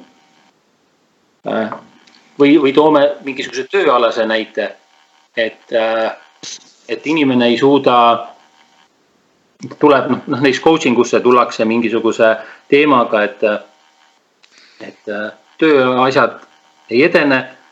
aga tegelikult sa saad aru, et äh, inimesel puudub üldse ei ütlemise oskus. jah, et on nagu nii totaalselt ülekoormatud. aga ülekoorma ei ütlemise oskus on seotud omakorda jälle sellega, et, äh, et mis tal kuskil seal lapsepõlves toimus. jah, et, et see, et, et, et, et sul, sul, sul tekib see suur pilt sellest asjast, mis, mis, mis toimub inimese elus, mis on millega nagu seotud ja miks ta on sellises olukorras üleüldse. Mm, ja, ja, ja siis teine asi on see, et lihtsalt, et sa võidki ravida seda nii-öelda puulehte või seda nohu. jah, nägemata seda, kuhu, kus selle asja juured on. et võib-olla selle juurte juurde minek on üks üldse üks, üks selles nagu teraapiaprotsessides üks kõige põhilisemaid asju. et sa saad ravida neid juuri, siis äh, peale seda siis läheb paika see, mis on äh, mitte ainult üks sümptom, aga päris mitmed. jälle toon ühe näite tööst, äh, kus on, ma ei mäleta isegi, mis teemaga, tuldi mingi väikse teemaga. mis oli ka seotud väga sellises, sellise asjaga nagu on nagu isiklikud piirid. jah, et kui palju sa võtad enda kanda erinevaid siis ütleme oma lähedaste probleeme ja nii edasi ja kui need sa lahendad ära, õpid aru saama, kus on sinu enda piirid, kus on lähedaste piirid, mida sa peaksid tegema, mida sa võiksid teha. siis äh, läks näiteks inimesel paika eluaegne selgroogõverdus. jah, ehk siis selgroog läks sirgeks, mis niisama naljalt sirgeks ei lähe. jah, et, äh, et, et, et see on see suure pildi nägemise oskus ja, ja selle tähelepanemise oskus on see, kuidas on võimalik siis pisikesest asjast lahendada ära tegelikult mingisugune suurem probleem, mis inimese elus üldse on. see puudutab, see puudutab tema lähedasi ja kõike, kogu süsteem nagu terveneb peale seda. see on, äh, see on huvitav, sest et, sest et äh, kui ma esimest korda ise käisin hüpnoteraapias, hüpnoosi mul tehtud ei ole veel, sest et Eh, hüpnoterapeut, kelle juures ma käisin, ta ütles, et eh, hüpnoosiga saaks nagu need asjad lahendada, aga sellel ei ole mõtet, sest et tuum, tuumaga ei ole tegeletud. ja, ja, ja siis ta nagu maalis mulle seal erinev, noh, ma läksin seal mingisuguse neli-viis eh, nii-öelda justkui probleemi, mis mul täna on mm. -hmm. ja ta ütles ka, et need on tegelikult kõik nagu tõenäoliselt põhjused või tähendab tagajärg, mitte põhjus mm. -hmm ja ma ei ole täna aru saanud veel, mis mis see põhjus peaks olema, aga ma nüüd sinu käest küsingi huvi pärast, et kui palju sa oled kokku puutunud, sa siin rääkisid korra ka sellest, kuidas haigused võivad olla psühholoogilised ja tegelikult psühholoogiast välja kasvavad siis nii-öelda reaalsed füüsilised haigused. Ehm, siis kui palju sa oled kursis või, või üldse seotud olnud äh, läbi erinevate patsientide või, või üldse info uurimisega mm -hmm. kurgu, kurguprobleemidega näiteks. et mm -hmm. ma lihtsalt toon enda, enda isikliku kogemuse siia juurde praegu lihtsalt lühidalt, et mõned äh, saateküla, küla, kuulajad tähendab juba teavad, ma olen eelnevalt puudutanud seda ka. aga mul on, mul on kurguga mingi sihuke teema, mul on, ma pean pidevalt, mitte pidevalt, aga ütleme aeg-ajalt mõni päev on lihtsam, mõni päev on raskem, aga pean neelama kogu aeg. mul on tunne, mul on justkui nagu mäda oleks kurgus. ja mitte nagu mäda, et seal on mingi roheline rögatükid, kui ma peeglisse vaatan, ma ei näe midagi aga ma tunnen, et äh, näpuga tõmmates või vatitikuga võttes seal on sihuke väike limakiht, hästi õrn, läbipaistev. ja ma pean kogu aeg neelama, sest seda niimoodi rõgastades kätte ei saa ja ainult neelates läheb ta alla ja siis ta tekib uuesti, tekib kohe uuesti ja mõnikord on see nii hull, et ma reaalselt ei saa magama jääda, siis ma pean kogu aeg neelama mm. -hmm. sest et see lihtsalt häirib mm. -hmm. ja ma olen käinud arsti, arsti käest kontrollides ja, ja läbi ja lasknud isegi juba lõpuks vaadata ka mingid uuringud Tartu, Tartus kuskil kliinikumis ja. mul ei ole mitte midagi füüsiliselt nagu meditsiiniliselt mitte midagi viga mm. -hmm. aga, aga ilmselgelt on mul viimased viis aastat siin, siin midagi nagu on väga tugev kurgus ja ma ei, ma ei hammusta läbi täna veel, mille taga see seista nagu võib mis on, mis on sinu mõtted, sa muidugi ei pruugi mulle öelda praegu, mis mis see on, võib-olla oskad, aga lihtsalt, mis on su mõtted, mis, mis see olla võib? no, no klassika nagu nende kurguteemade klassika on tegelikult väga lihtne. Äh, see kurgupiirkond on äh, seotud äh, sellise siis nii-öelda, võiks öelda siis sellise nagu kurgutšakraga on ju, mis vastutab kommunikatsiooni eest. see tähendab, et kommunikatsioon äh, nii-öelda nii sisse kui väljapoole. ehk siis äh, sissepoole, see tähendab seda, et mingi väline kommunikatsioon, mida sa ei suuda nagu vastu võtta, alla neelata äh,. või siis tei-, teisele poole kommunikatsioon, mingid asjad, mida sa ei suuda teistele välja öelda mm -hmm.. jah, mingid momendid, mis võib-olla teatud mõttes isegi ületavad sinu piire. ja inimene ei oska neid väljendada õigesti ja ta jätab nad siia kurgupiirkonda. vahet ei ole, kas sul kurk hakkab valutama, tuleb seal mingi röga või mis, mis iganes, on ju. erinevatel inimestel on erinev sümptom, aga see piirkond annab nagu väga selge vihje, kus on teema. tihti on niimoodi, et äh, inimene ütleb, kuule, aga ma, mul on ju kõik jumalast hästi, ma kõikidega räägin, on ju. Väga hea. aga siis alati leidub keegi kuskil selles ringis, keegi, kellega sul ei ole need head suhted, on ju. mingisugune teema, kellega sa ei suuda asju väljendada vabalt, on ju. võib-olla teised ütlevad, et see on juba vabalt väljendamine, aga sinu jaoks see vabalt ei ole väljendamine, on ju. sinu jaoks jääb mingi asi ikkagi väljendamata. ta, nagu sa hakkad väljendama, sa mingi pool asja hoiad siin kurgus kinni, on ju. ja see on nagu, see on nagu selles mõttes nagu reaalselt toimiv asi, ma olen selliseid palju inimesi äh, ravinud läbi selle see ei ole nagu kõige lihtsam asi, sellepärast et sa pead õppima äh, inimesi äh,, inimestele asju välja ütlema. ütlema nii, nagu sa tegelikult tunned, see läheb mööda siis, kui sa ütled selle lõpuni välja. sa ei ütle mitte kolmveerand välja, aga sa pead lõpuni välja ütlema, mis sul seal on, on ju. või näiteks, kui kellegi lähedasel on sama probleem see on ka suht raske ülesanne, sellepärast et siis sa pead soodustama sellel lähedasel asju hakata välja ütlema ja paljud asjad kuuluvad nagu võib-olla sinu pihta ka, on ju. et, et selleks, et nagu siit nagu terveneda, on, on vajalik äh, selline nagu mitme, mitmekülgne nagu areng on ju. vahel me ei ütle asju välja sellepärast, et, äh, et me kardame neid asju välja öelda. Äh, vahel me kardame sellepärast, et me ise kardame välja öelda. Teisest vahel kardetakse sellepärast välja öelda, et kui ma ütlen selle asja välja, mis siis temaga juhtub nii et, et see kurgupiirkond annab pigem nagu tunnistust nagu sellest, et see on nagu see, kuhu kaevata. vahel inimene ei, ei mäletagi peast kõike, ütleb, et kõik on hästi, aga tavaliselt nagu mingites sihukestes äh, sügavamates töödes ja seanssides tuleb see välja, see tuleb meelde, äh, kellega siis see teema on, on ju. kellele, kellele me ei suuda asju välja öelda. Ma arvan, et see on, äh, minu puhul on see niimoodi, et mulle meeldib sihuke lause ei mäleta, kuidas see inglise keeles oli, aga, aga põhimõtteliselt mõte on siis selles äh, sihukeses tsitaadil, et, et nõuanne on midagi, mida me küsime äh, siis, kui me teame vastust, aga loodame sisimas, et me ei tea. või mhm. soovime, et me ei teaks, ehk siis ma tegelikult tean, et mul ilmselt on seotud see enda vanematega. see, see siin ma, kui iga kord, kui keegi räägib mulle sellest teemast ja ma ise ka seda üritan analüüsida Martiniga, äh, olen ka siin saates eelnevalt rääkinud sellest, siis siis äh, ainuke asi, mis mul alati sellistel hetkedel, kus mul on tunne, et midagi on välja ütlemata jäänud, mul kargab alati pähe enda vanemad mm. esimesena, noh ilmselt seal siis see on, aga, aga kuidas seda teha siis? et äh, kuidas seda siis teha niimoodi, et sa ei riku suhteid või siis lepidki sellega, et rikud. kuidas, mis see, mis see nagu lahendus peaks olema või, või saab ka teraapia käigus selliseid asju lahendada selliselt, ilma et kellegagi kokku puutuks, vaid justkui nagu energeetiliselt ütled välja? saab ka, saab ka nii, on ju no ütleme, see miinimumprogramm äh, teraapias, mida saab teha, on see, et sa mängid selle situatsiooni, selleks on spetsiaalsed seansid, sa mängid need situatsioonid äh, sellise nii-öelda äh, seansi meditatsiooni käigus läbi.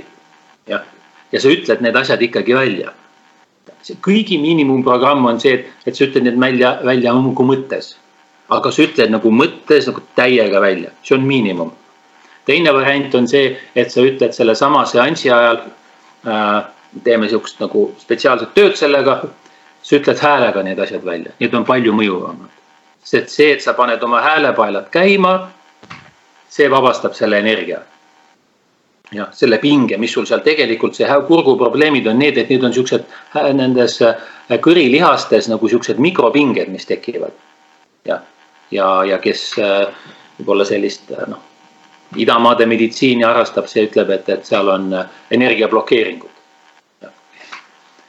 ja sealt edasi juba, et sa veel paremat tulemust tahaksid äh, saada, see on see, et sa võtad nüüd reaalselt kätte selle inimese, kellega sul või on vanemad, mitu inimest või ükshaaval.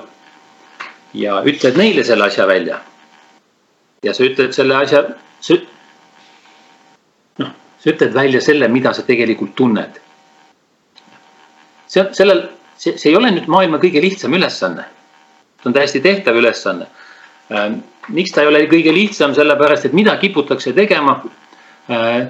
nii-öelda mm, kogutakse seda äh,, seda ütleme seda, seda, mis on välja ütlemata aastaid ja siis paisatakse see nüüd, siis ühega käiakse mingid teraapiad, koolitused, värgid, nüüd mõeldakse, nüüd ma olen valmis ja nüüd ma pauhti, paiskan kogu selle info välja, mis ma olen nagu kogunenud, kogunenud. vanemad on juba eluga edasi läinud, võib-olla jah, võib-olla sellest sündmusest on, mis on hinge peal olnud kakskümmend aastat möödas on ju. ja siis pannakse sihukese pauguga nii-öelda nurga tagant nendele vaesetele vanematele sihukene laks. et need võivad ka pikali kukkuda, on ju. see on täiesti ootamatu, sihukeseid case'e, juhuseid on nagu väga palju. noh, sina saad võib-olla nüüd sellest, sellest oma nagu pingest ja kurguvalust lahti.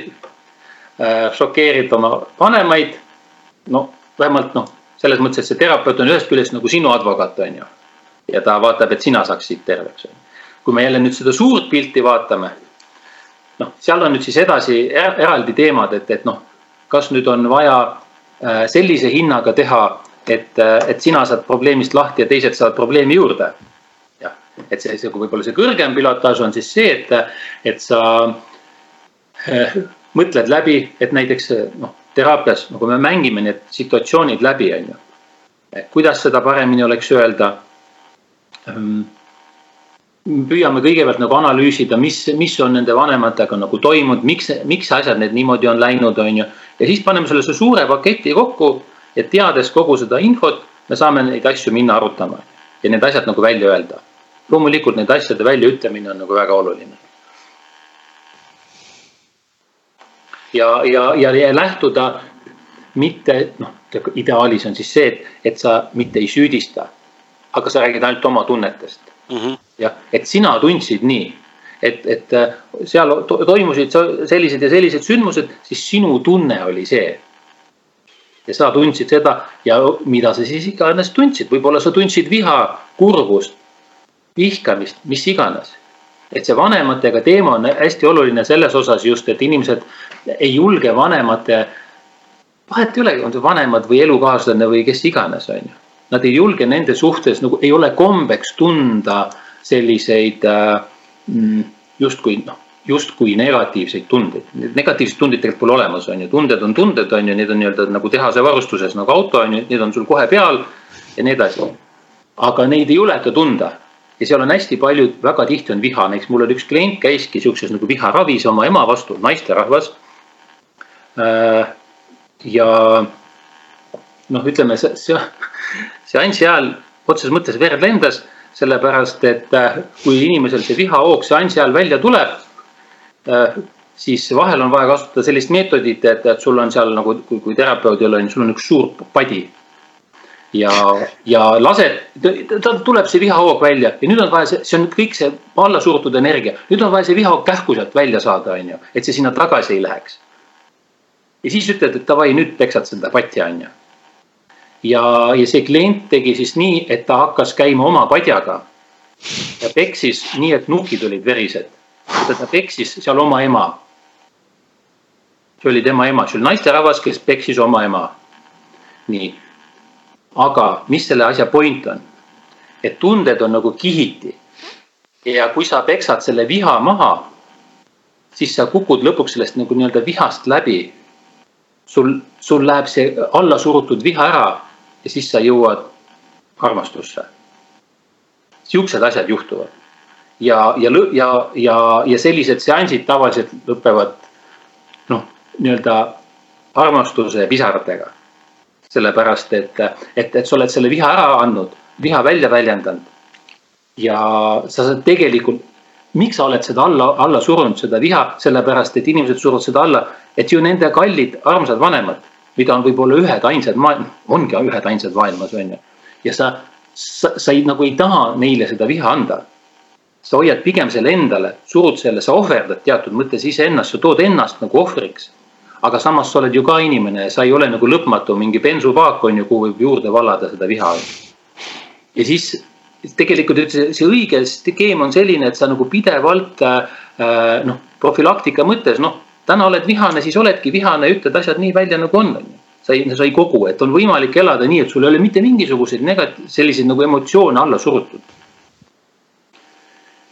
ja, ja noh, ütleme vot selle kliendi näitel on ju, mis ma tõin. Ja peale seda on inimene valmis minema konstruktiivselt oma vanematega asju läbi rääkima. see kõige suurem viha, sest muidu konkreetselt kogu see näiteks minu klient tal oleks nagu nii-öelda katus ära sõitnud, ta oleks nagu oma emale pasunasse pannud, onju. tal oli, tal oli korraga, tal oli kuus foobiat kui ta tuli, tal oli korraga kuus foobiat. nii et ta ei saanud üldse elada, ta ei saanud mitte kuskil käia, ta oli käinud läbi kõike, kõiksugu erinevad teraapiad ja kõik asjad, on ju. aga tegelikult, mis oli vaja, oli vaja see, see viha sealt nagu välja saada, on ju et see on niisugune ekstreemne näide, see ei ole kõik sellised asjad, on ju, seal võib igast muid asju olla, aga see on lihtsalt üks, üks näide, kuidas need asjad tegelikkuses nagu toimuvad, on ju. ja ei ole mingit müstikat tegelikult, noh, kõik on täiesti loogiline. jõhker ikka aga miks me, jälle mingil määral sa vastasid ka, on ju, et äh, meie vanemad kuna vanemaid on üks ja ainus ja nemad on meid siia ilma loonud ja teinud, siis see tundub nagu niivõrd loomuvastane. oma vanemaid nii-öelda äh, vihata või üldse nende suhtes mingeid äh, äh, raskemaid tundeid siis väljendada, on ju, aga kus, kus see nagu, miks see on meil üldse niimoodi, et kus see, kus see alguse saab, et me, et me surume endas alla kõik tunded, emotsioonid, et et, see saab kindlasti sealt lapsepõlvest juba alguse, aga äkki räägiksid natukene mm, -hmm. natuke selle ka lahti. jah, eks ta ikkagi lapsepõlvest alguse saab ja, ja saab alguse teatud mõttes valdavas enamuses nendest samadest vanematest ja, ja ma, ma ütleks sellest kultuurist, mis seal kodus nii-öelda psühholoogilise emotsionaalsest kultuurist, mida on kodus nagu viljeletud. ehk siis, kui, kui kodus ei ole tunnetest räägitud, kui tunded on kas siis noh, öeldakse lastele sealt, mis asja sa siin umbes, et ole vait ja ole tasa ja kui sa oled rõõmus, mida sa siin jooksed ja rõõmustad, on ju. kui sa oled nagu kurb, ma ei tea, umbes, et seerest, et poistele nagu mehed ei nuta ja kui sa oled tige, siis ei tohi üldse olla ja mis sa siin nagu ema kurvastad ja nii edasi, sada viiskümmend asja on ju. küll leitakse mingi viis, miks pärast sinu tunded seal alla suruda. üks asi, teine asi on see, et äh, noh, jällegi väga päris tõsine teema, et äh, paljud vanemad ju elavad äh, laste pärast koos nii-öelda. jah, tegelikult üksteist ei armasta, elatakse koos laste pärast, aga kuidas siis elada, milline on see elu, kui sa elad koos laste pärast üksteist armastamata, siis selles perekonnas, selles atmosfääris ei ole armastust. jah, see, see õhkkond on selline hall, emotsioonitu ja nii edasi.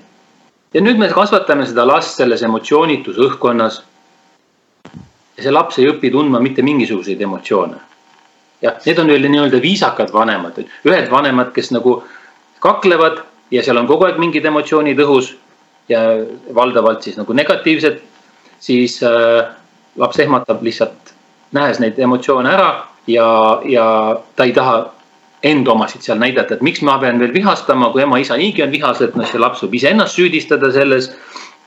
ja ühesõnaga surub oma need vihased või no oma viha nagu alla. sest kuhu ma veel lähen, noh, kui, kui noh, see oleks nagu õli, õli tulle palamine. et kui see laps läheb veel näitab oma. ja nüüd see väike laps ja kõik see ju läheb alateadvusesse, laps kasvab suureks ja ta on harjunud oma emotsioone alla suruma. ja nüüd tal läheb oma ellu, reaalsesse ellu oma, äh, tal tekib naine, mees ja nii edasi ja ta on selline emotsioonide allasuruja, on ju. ja tal on ammu ära läinud, meelest ära läinud, et see oli kuskil lapsepõlves. ja, aga see programm jookseb temas ikkagi edasi, see on üks asi teine asi on see, et kui ta elab selles äh, vanematega ja seal on üldse emotsioonitu mm, see nii-öelda perekondlik kultuur on ju. ehk siis seal ei näidata üldse mitte mingeid emotsioone. siis kus ta saab neid üldse näha? Mm, kuskohast ta on, saab neid õppida? siis ta kasvab jälle suureks, ta on harjunud olema niisugune kogu aeg kivinäoga.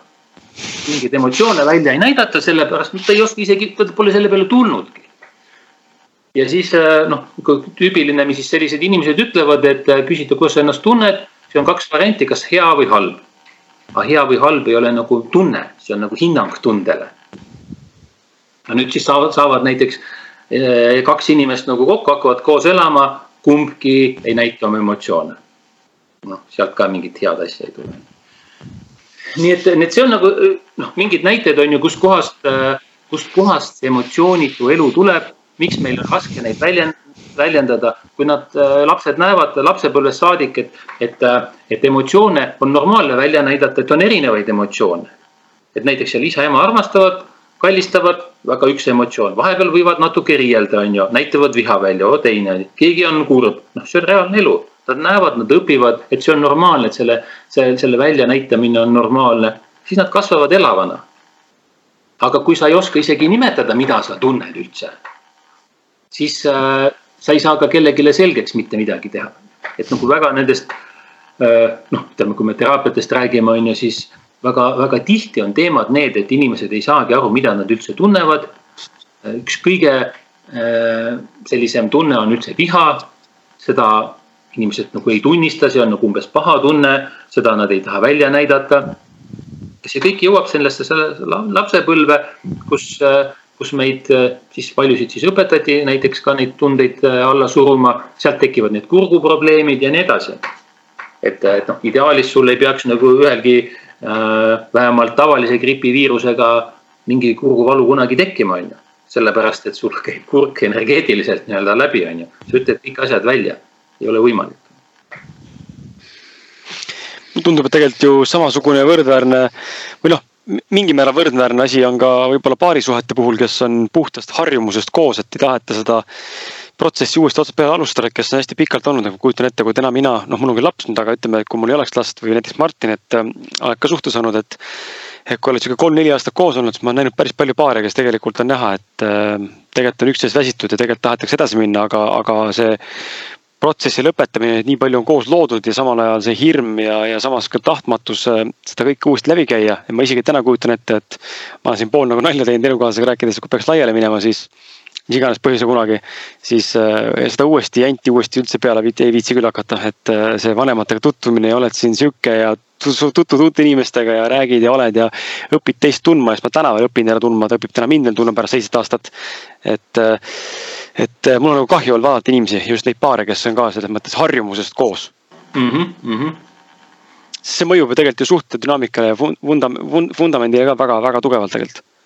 absoluutselt et äh, noh, siin, siin, siin, siin ikkagi peavad ju inimesed saama aru, et, et noh, miks me üldse selles suhtes oleme.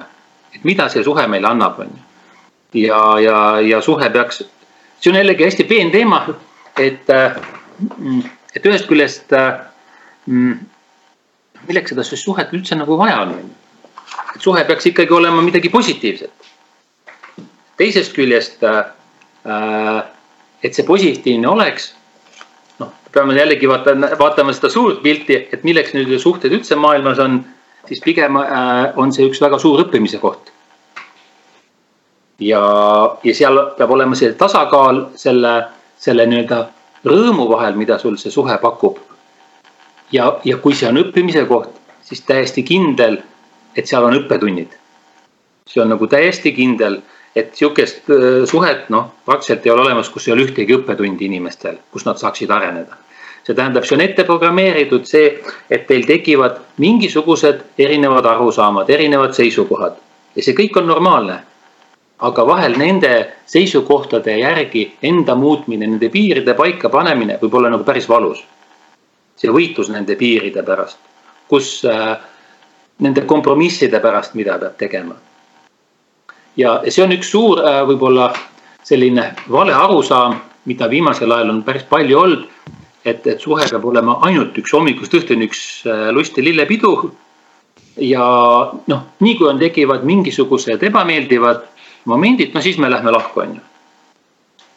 see ei ole mitte see, et suhe nässus on, see tähendab seda, et see on nüüd mingid õppetunnid, mis on vaja nagu ära õppida, kokku leppida ja lähme veel tugevamatena ja toredamatena edasi et see, see ei ole näitaja, et äh, suhtel oleks midagi viga mm. -hmm me oleme siin, äh, sa oled siin korduvalt tegelikult maininud nüüd juba ka coaching ut ja teraapiat, äkki sa selgitad natukene meie kuulajatele ja, ja tegelikult mulle ja, ja Pukspuule, Pukspuule ka, et äh, mis on teraapia ja coaching'u vahe, sest et sul on koduleheküljel väga hea blogipostitus tegelikult sellest olemas, aga, aga võib-olla kõik ei ole lugenud seda ja sinna jõudnud, et millal tulla teraapiasse, millal tulla coaching'i juurde ja mis on nende dünaamikate vahe?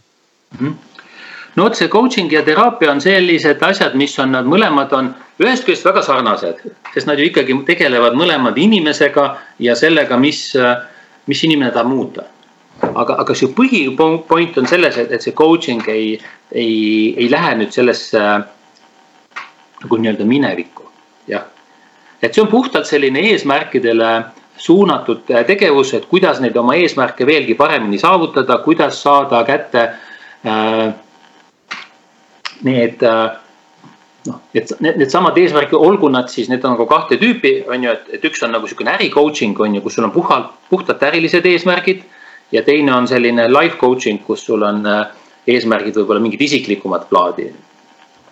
ja, ja ütleme, selle klient on siis see, kes äh, noh, ütleme, kas tal on siis ära lahendatud kõik asjad juba minevikust, on ju.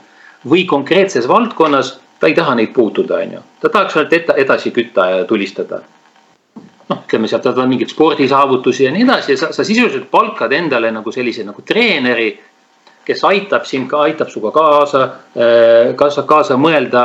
Äh, vaatab mingeid nõrki kohti, mis sinu sees on, äh, vaatab sinu tugevaid külgi, püüab neid nagu võimendada. et see on nagu selline nagu üks põhilisi asju, on ju. et see on üks selline mm,, selline üks, üks, üks suur julgustamise tegevus, on ju. et äh, et sa, sa näiteks coach'ina, sa, sa, sa pead seda inimeses seda potentsiaali ise nägema, sa pead seda uskuma. ja, ja aitama sellele inimesele jõuda sellesse kohta. et see on nagu sihuke põhiline asi. Eh, noh, ja see, see, see, milles nagu näiteks no võtame, et nagu milles nagu, miks tullakse, vaatan nagu oma klientide pealt mm,. Eh, siis, eh, siis võtame niisugused äri coaching'u näited, kus on inimesed tulnud sellega, et vaja nagu firmas mingi osalus maha müüa.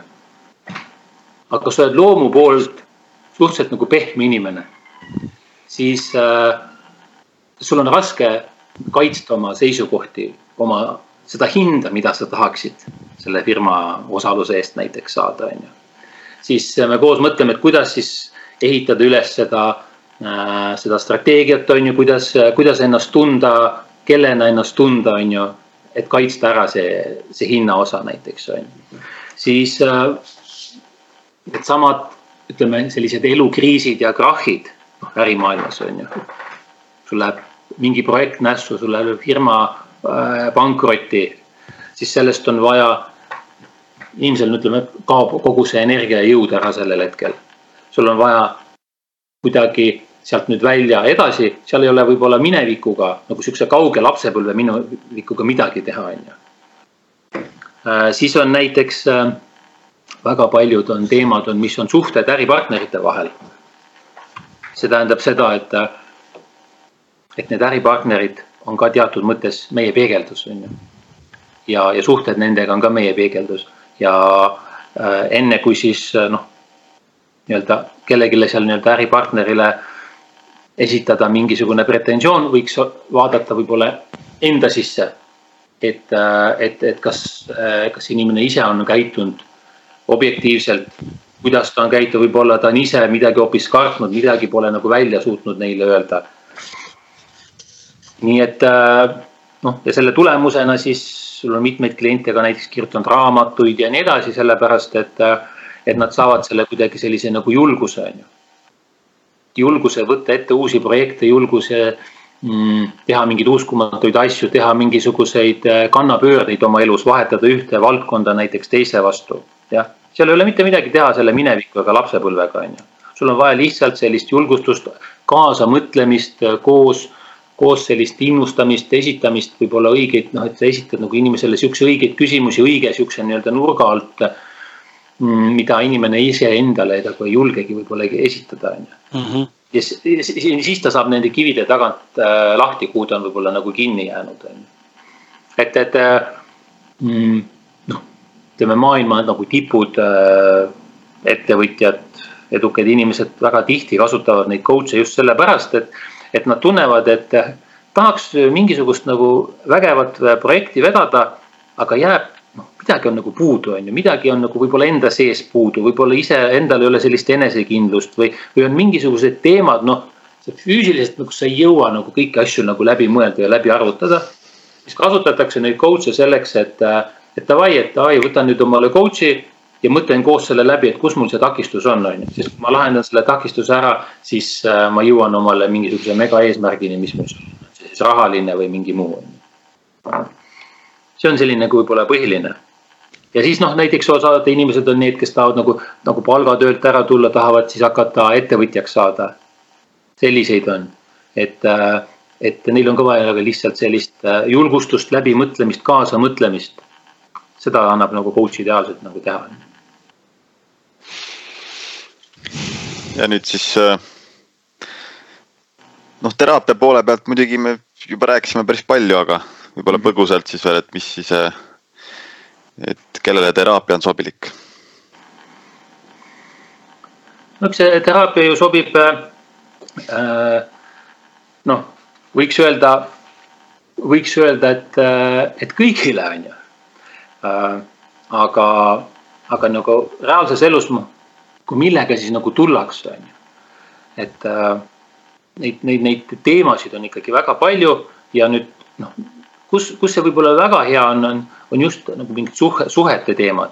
et suhete teemades äh, näiteks võtame kätte, et nagu naised äh,. kes minu juures käivad jah, naised äh, tulevad selle mõttega, et äh, tihti, et, et saada sellist vaadet, äh, kuidas mees asju näeb. jah, ja, ja osata nüüd naisele selgitada neid seisukohti, kuidas mehed asju näevad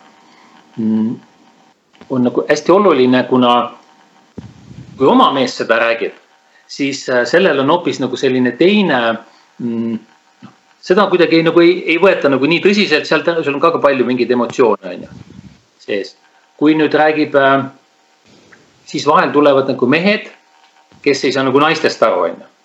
kuna teraapias käivad nii mehed kui naised, siis äh, mul on lihtne võtta sellist äh, nagu äh, kogemuse baasilt, noh, mida ma ju näen, mida räägitakse, kuidas tuntakse ennast äh,. siis on võimalik meestele selgitada, et sihukes meeste keeles, et, äh, et, et mis, mis, mida naised äh, ootavad ja kuidas neil on mingid seisukohad mingite teemade suhtes. tihti on see, et, et nagu paaris näiteks mõeldakse seda, et, et, et see mingi probleem on puhtalt nagu nende paari probleem. tegelikult on aga nii, et et see on klassikaline meessoo ja naissoo vaheline probleem mm. -hmm. või sihuke õppetund suurem, see ei lõpe mitte kunagi maailmas ära, see oli tuhat aastat enne meid ja tuhat aastat peale meid tuleb samamoodi, et see ei ole nagu teievaheline asi. see ongi meessoo, naissoo vaheline selline nagu selline noh, kerge hõõrumine ja, ja, ja see on üks, üks suurtest õppetundidest üleüldse. Ehm, siis selle nagu lahti harutamine on jällegi väga noh, nii-öelda, kes ütleme niimoodi, et ma nagu otseselt sellist nagu sihukest nagu baariteraapiat ei tee, aga minu juures käivad näiteks baarid niimoodi, et nad nagu valmistumas selliseks nagu baariteraapiaks, et, et nagu mees ja naine käivad eraldi. et saada üleüldse aru, mida nad üleüldse elus tahavad, mida nad üksteiselt üldse tahavad, on ju. Nad, nendega baariteraapiasse ei ole üldse vara minna vahele äh,. siis väga palju on teemasid, mis puudutavad äh, suhte kolmnurki üks teema, mis on väga selline, noh, sellest suht nagu vähe räägitakse, on ju. seda ei julgeta tunnistada, tegelikult selliseid äh, suhteid on inimestel nagu palju. ja, ja see tekitab nagu väga suuri nagu probleeme inimestel, nad ei tea, mis sellega teha, on ju. Mm.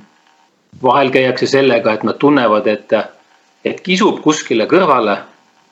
ja nad ei saa aru, miks, mis nüüd lahti on. sellel on alati mingisugused põhjused neid põhjuseid on võimalik ka nagu lahti hakki, häkkida, et, et, et mis siis on nagu juhtunud, on ju. siis needsamad äh, erinevad noh, konfliktsituatsioonid, mis inimeste vahel on, seesama see kurgu teema, millest me rääkisime jah, et inimesed kardavad konflikte, nad kardavad nagu vastanduda, aga tegelikult võib-olla see konflikt on selle arengu äh, staadiumis üks noh, üks kõige olulisemaid asju, et julgus ollagi erineval seisukohal teisest sa julged väljendada ennast.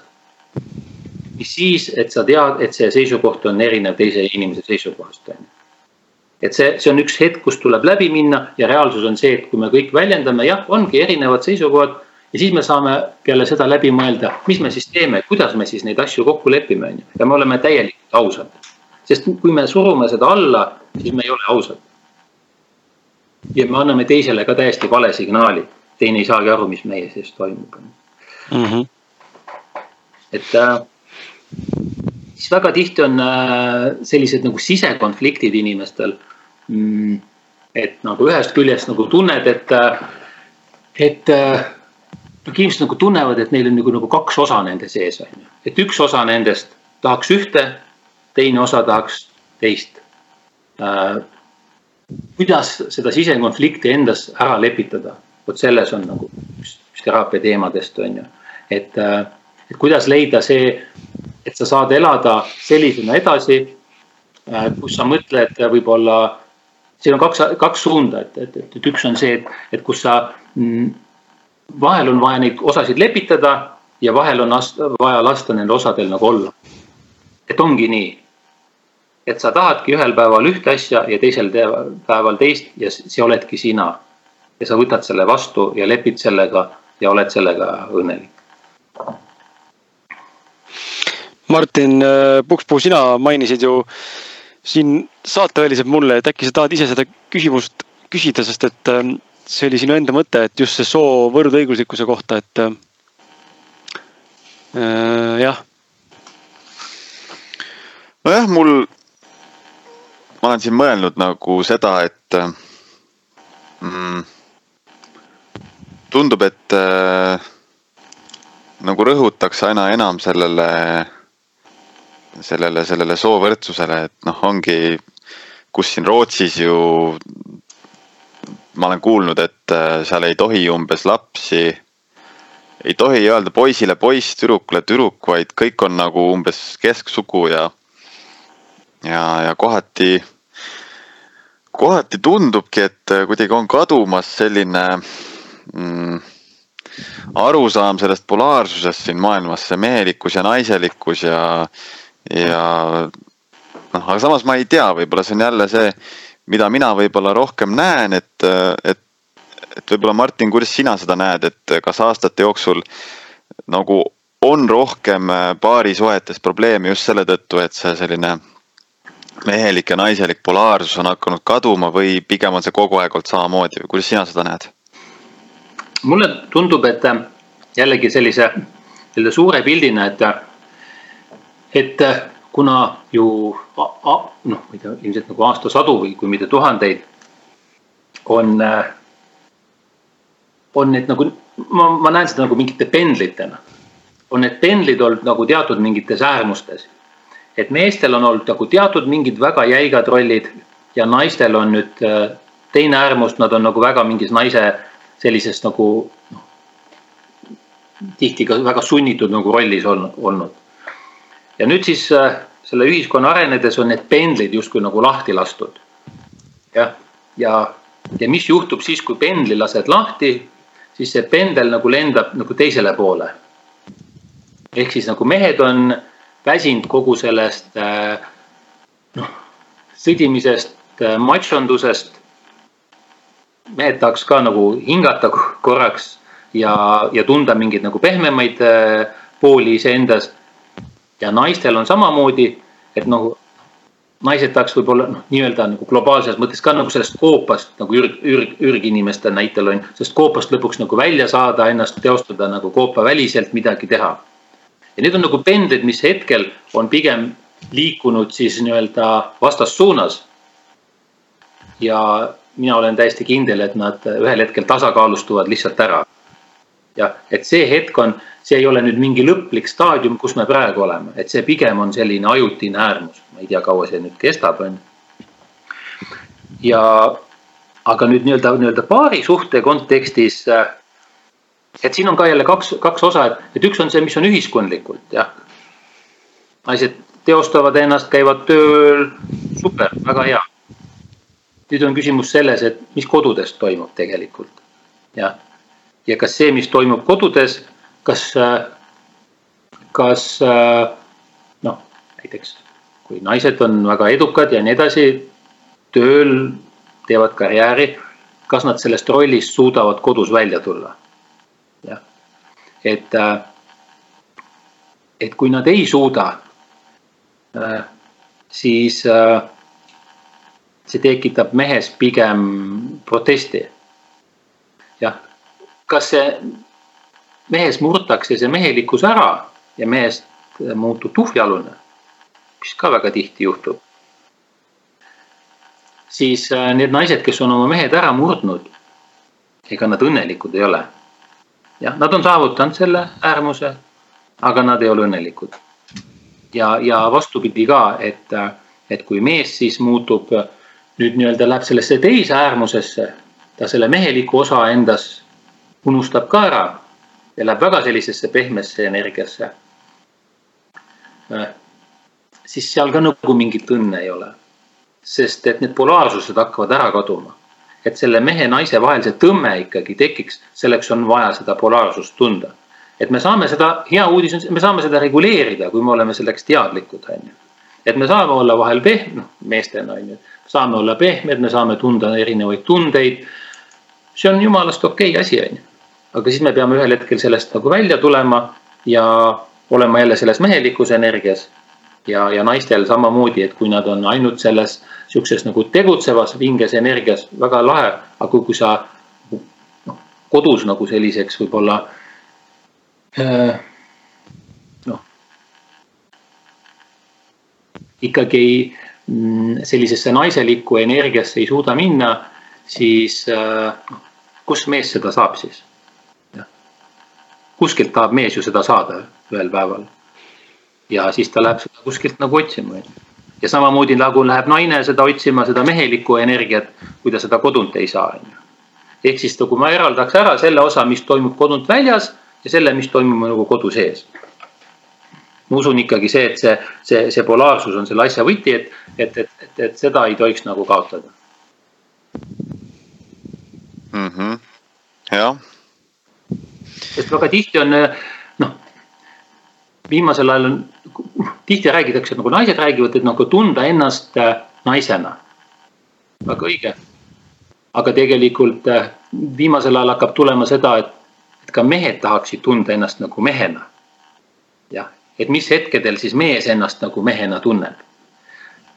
ja, ja mehe sees on ikkagi selline teatud mõttes selline jahimehe instinkt olemas et kui me selle äh, jahimehe instinkti sealt äh, nagu ära likvideerime mehes, et äh, ja, ja ei ole enam seda nagu sihukest mängu ja kõik on nagu ühesugused, siis ühesugused on ju väga tore olla, aga, aga siis me noh, siis ei ole seda nagu tagaajamist. jah, ja kui ei ole tagaajamist, siis äh, siis need suhted lähevad ühel hetkel nagu siukseks igavaks reaalses elus ja sealt tekivad igasugused äh, noh, kõrvalevaatamised ja nii edasi, sest kuskilt tahaks seda mängu saada. see on siis, kui sa oled juba noh, alguses võib-olla ei pane seda tähele, aga kui sa oled nagu teatud aja nagu elanud, siis, siis hakkavad need asjad juhtuma. kas võiks siis olla see, et, et tuleks nagu vältida seda, et me hakkame võtma partneritena üksteist nagu iseenesestmõistetavana. no päris kindel jah. et, et see on see, mis nagu just nagu loob seda, et, et noh, umbes mehed ootavad, et peaks seksi saama niisama, on ju. Naised ootavad jälle mingeid omi asju nagu niisama, mis, millele muidu nagu eelneb sihuke võib-olla mingi loomulik kerge mäng või protsess, mis just loobki seda polaarsust, on ju mm. -hmm noh, ütleme, et, et kui keegi loodab, et ta midagi saab niisama või, või, või ta on kohustatud saama, see on ikkagi esimene märk, et äh, asjad äh, hakkavad halvaks minema. Sellepärast, et äh, see, see, mida inimesed reaalses elus siis tahavad, on see, et, et, et nad ei taha tunda et nad on iseenesestmõistetavad teise jaoks. Nad tahavad, kõik tahavad on tunda erilisena. kõik tahaksid, äh, et neid vaadataks teatud sellise nii-öelda, äh, teatud sellise imetleva pilguga. Ja äh, olen päris palju nagu naistega rääkinud teraapiates, et, et noh, näiteks nagu mis meeste kohta puutub, et, et, et väga tore, et kui mehed on sellised noh, nagu, nagu väga siuksed pehmed ja nii edasi nii edasi. ja siis sa küsid, et kas omale meheks tahad sellist? või tahad sõbraks, siis nad tahavad selliseid, noh, et see on väga hea, kui sihuke sõber on. Aga, aga kas no omale meheks, et kuhu, kelle peale lähevad silmad särama, kelle peale energia üles läheb ja, ja, ja kellega tahaks seda mängu ja seda erootikat ja, ja seksuaalsust. siis, siis sealt nagu väga see käima ei tõmba. et, et, et, et, et siin pigem võib-olla on see, et äh, inimesed võiksid rohkem saada ikkagi aru, et, et, et see on nagu juhitav protsess, et sa saad olla, et sa, sa pead olema see, kes sa, sa oled nagu tegelikult on ju, sinu sees on kõik osad olemas, et sinu sees on pehmed osad, sinu sees on nagu tugevamad osad ja sa ei saa ühtegi osa nagu ignoreerida ega maha jätta. jah, et, et kui sul on vaja, siis sa oled pehme, kui sa oled nagu mees on ju, sul on vaja olla lastega, seal olla ise, sa tunded, tunned kõiki oma tundeid, sa tunned oma kurbust, oma viha. sa oled elav, sa oledki nii-öelda nagu teie saade ütlebki, et sa oledki aus mees kõigis nendes asjades, aga sa ei jäta ühtegi asja nagu välja. ja naistel samamoodi, et, et, et, et sa ei unusta oma naiselikkust ära, aga samal ajal ka sa võid äh, ennast teostada nagu väljaspool kodu ja, ja noh, kodus ka on ju. sa saad seda kõike reguleerida. kena, tahakski anda sulle tegelikult nüüd veel nii-öelda viimased äh, võib-olla mõtted, et mis sa tahaksid äh, inimestele, kuulajatele nagu südamele panna?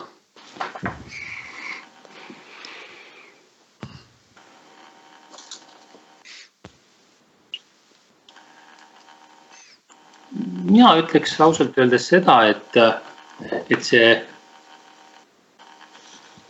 et see kommunikatsioon üksteise vahel on kõige olulisem. et äh, rääkida nendest asjadest, mis, äh, mida me tunneme üksteise suhtes, kuidas me iseennast tunneme.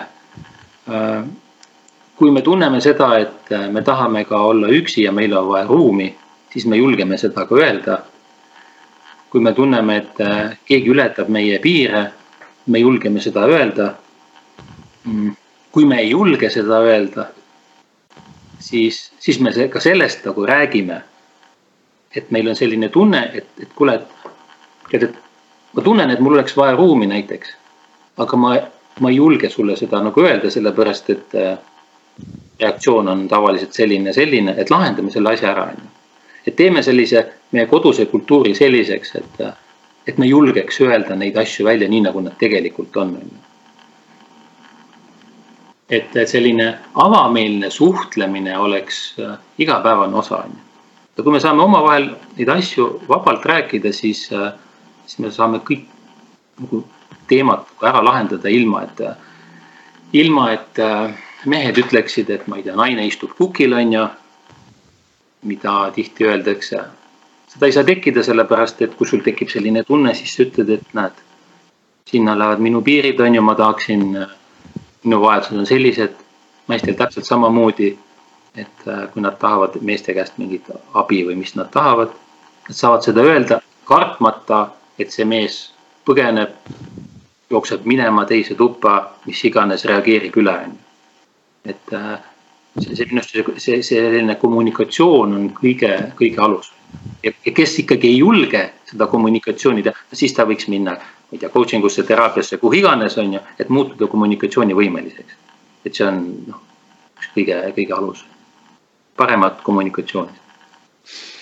super, head mõtted, ma ei tea, kuidas Kris, aga mina igal juhul väga nagu haakun ja resoneerun, resoneerun su mõtetega ja mulle just meeldib sinu selline, nagu ma alguses ütlesin ka hästi selline maalähedane teemade käsitlus, et hästi lihtne, hästi praktiline ja ma arvan, et iga, igaüks, kes, kes meid kuulab, saab nagu, saab aru nendest mõtetest täiesti nõus, sihuke rahulik, rahulik, rahulikus tempos räägid ja, ja selles mõttes on hea nagu kuulata, et.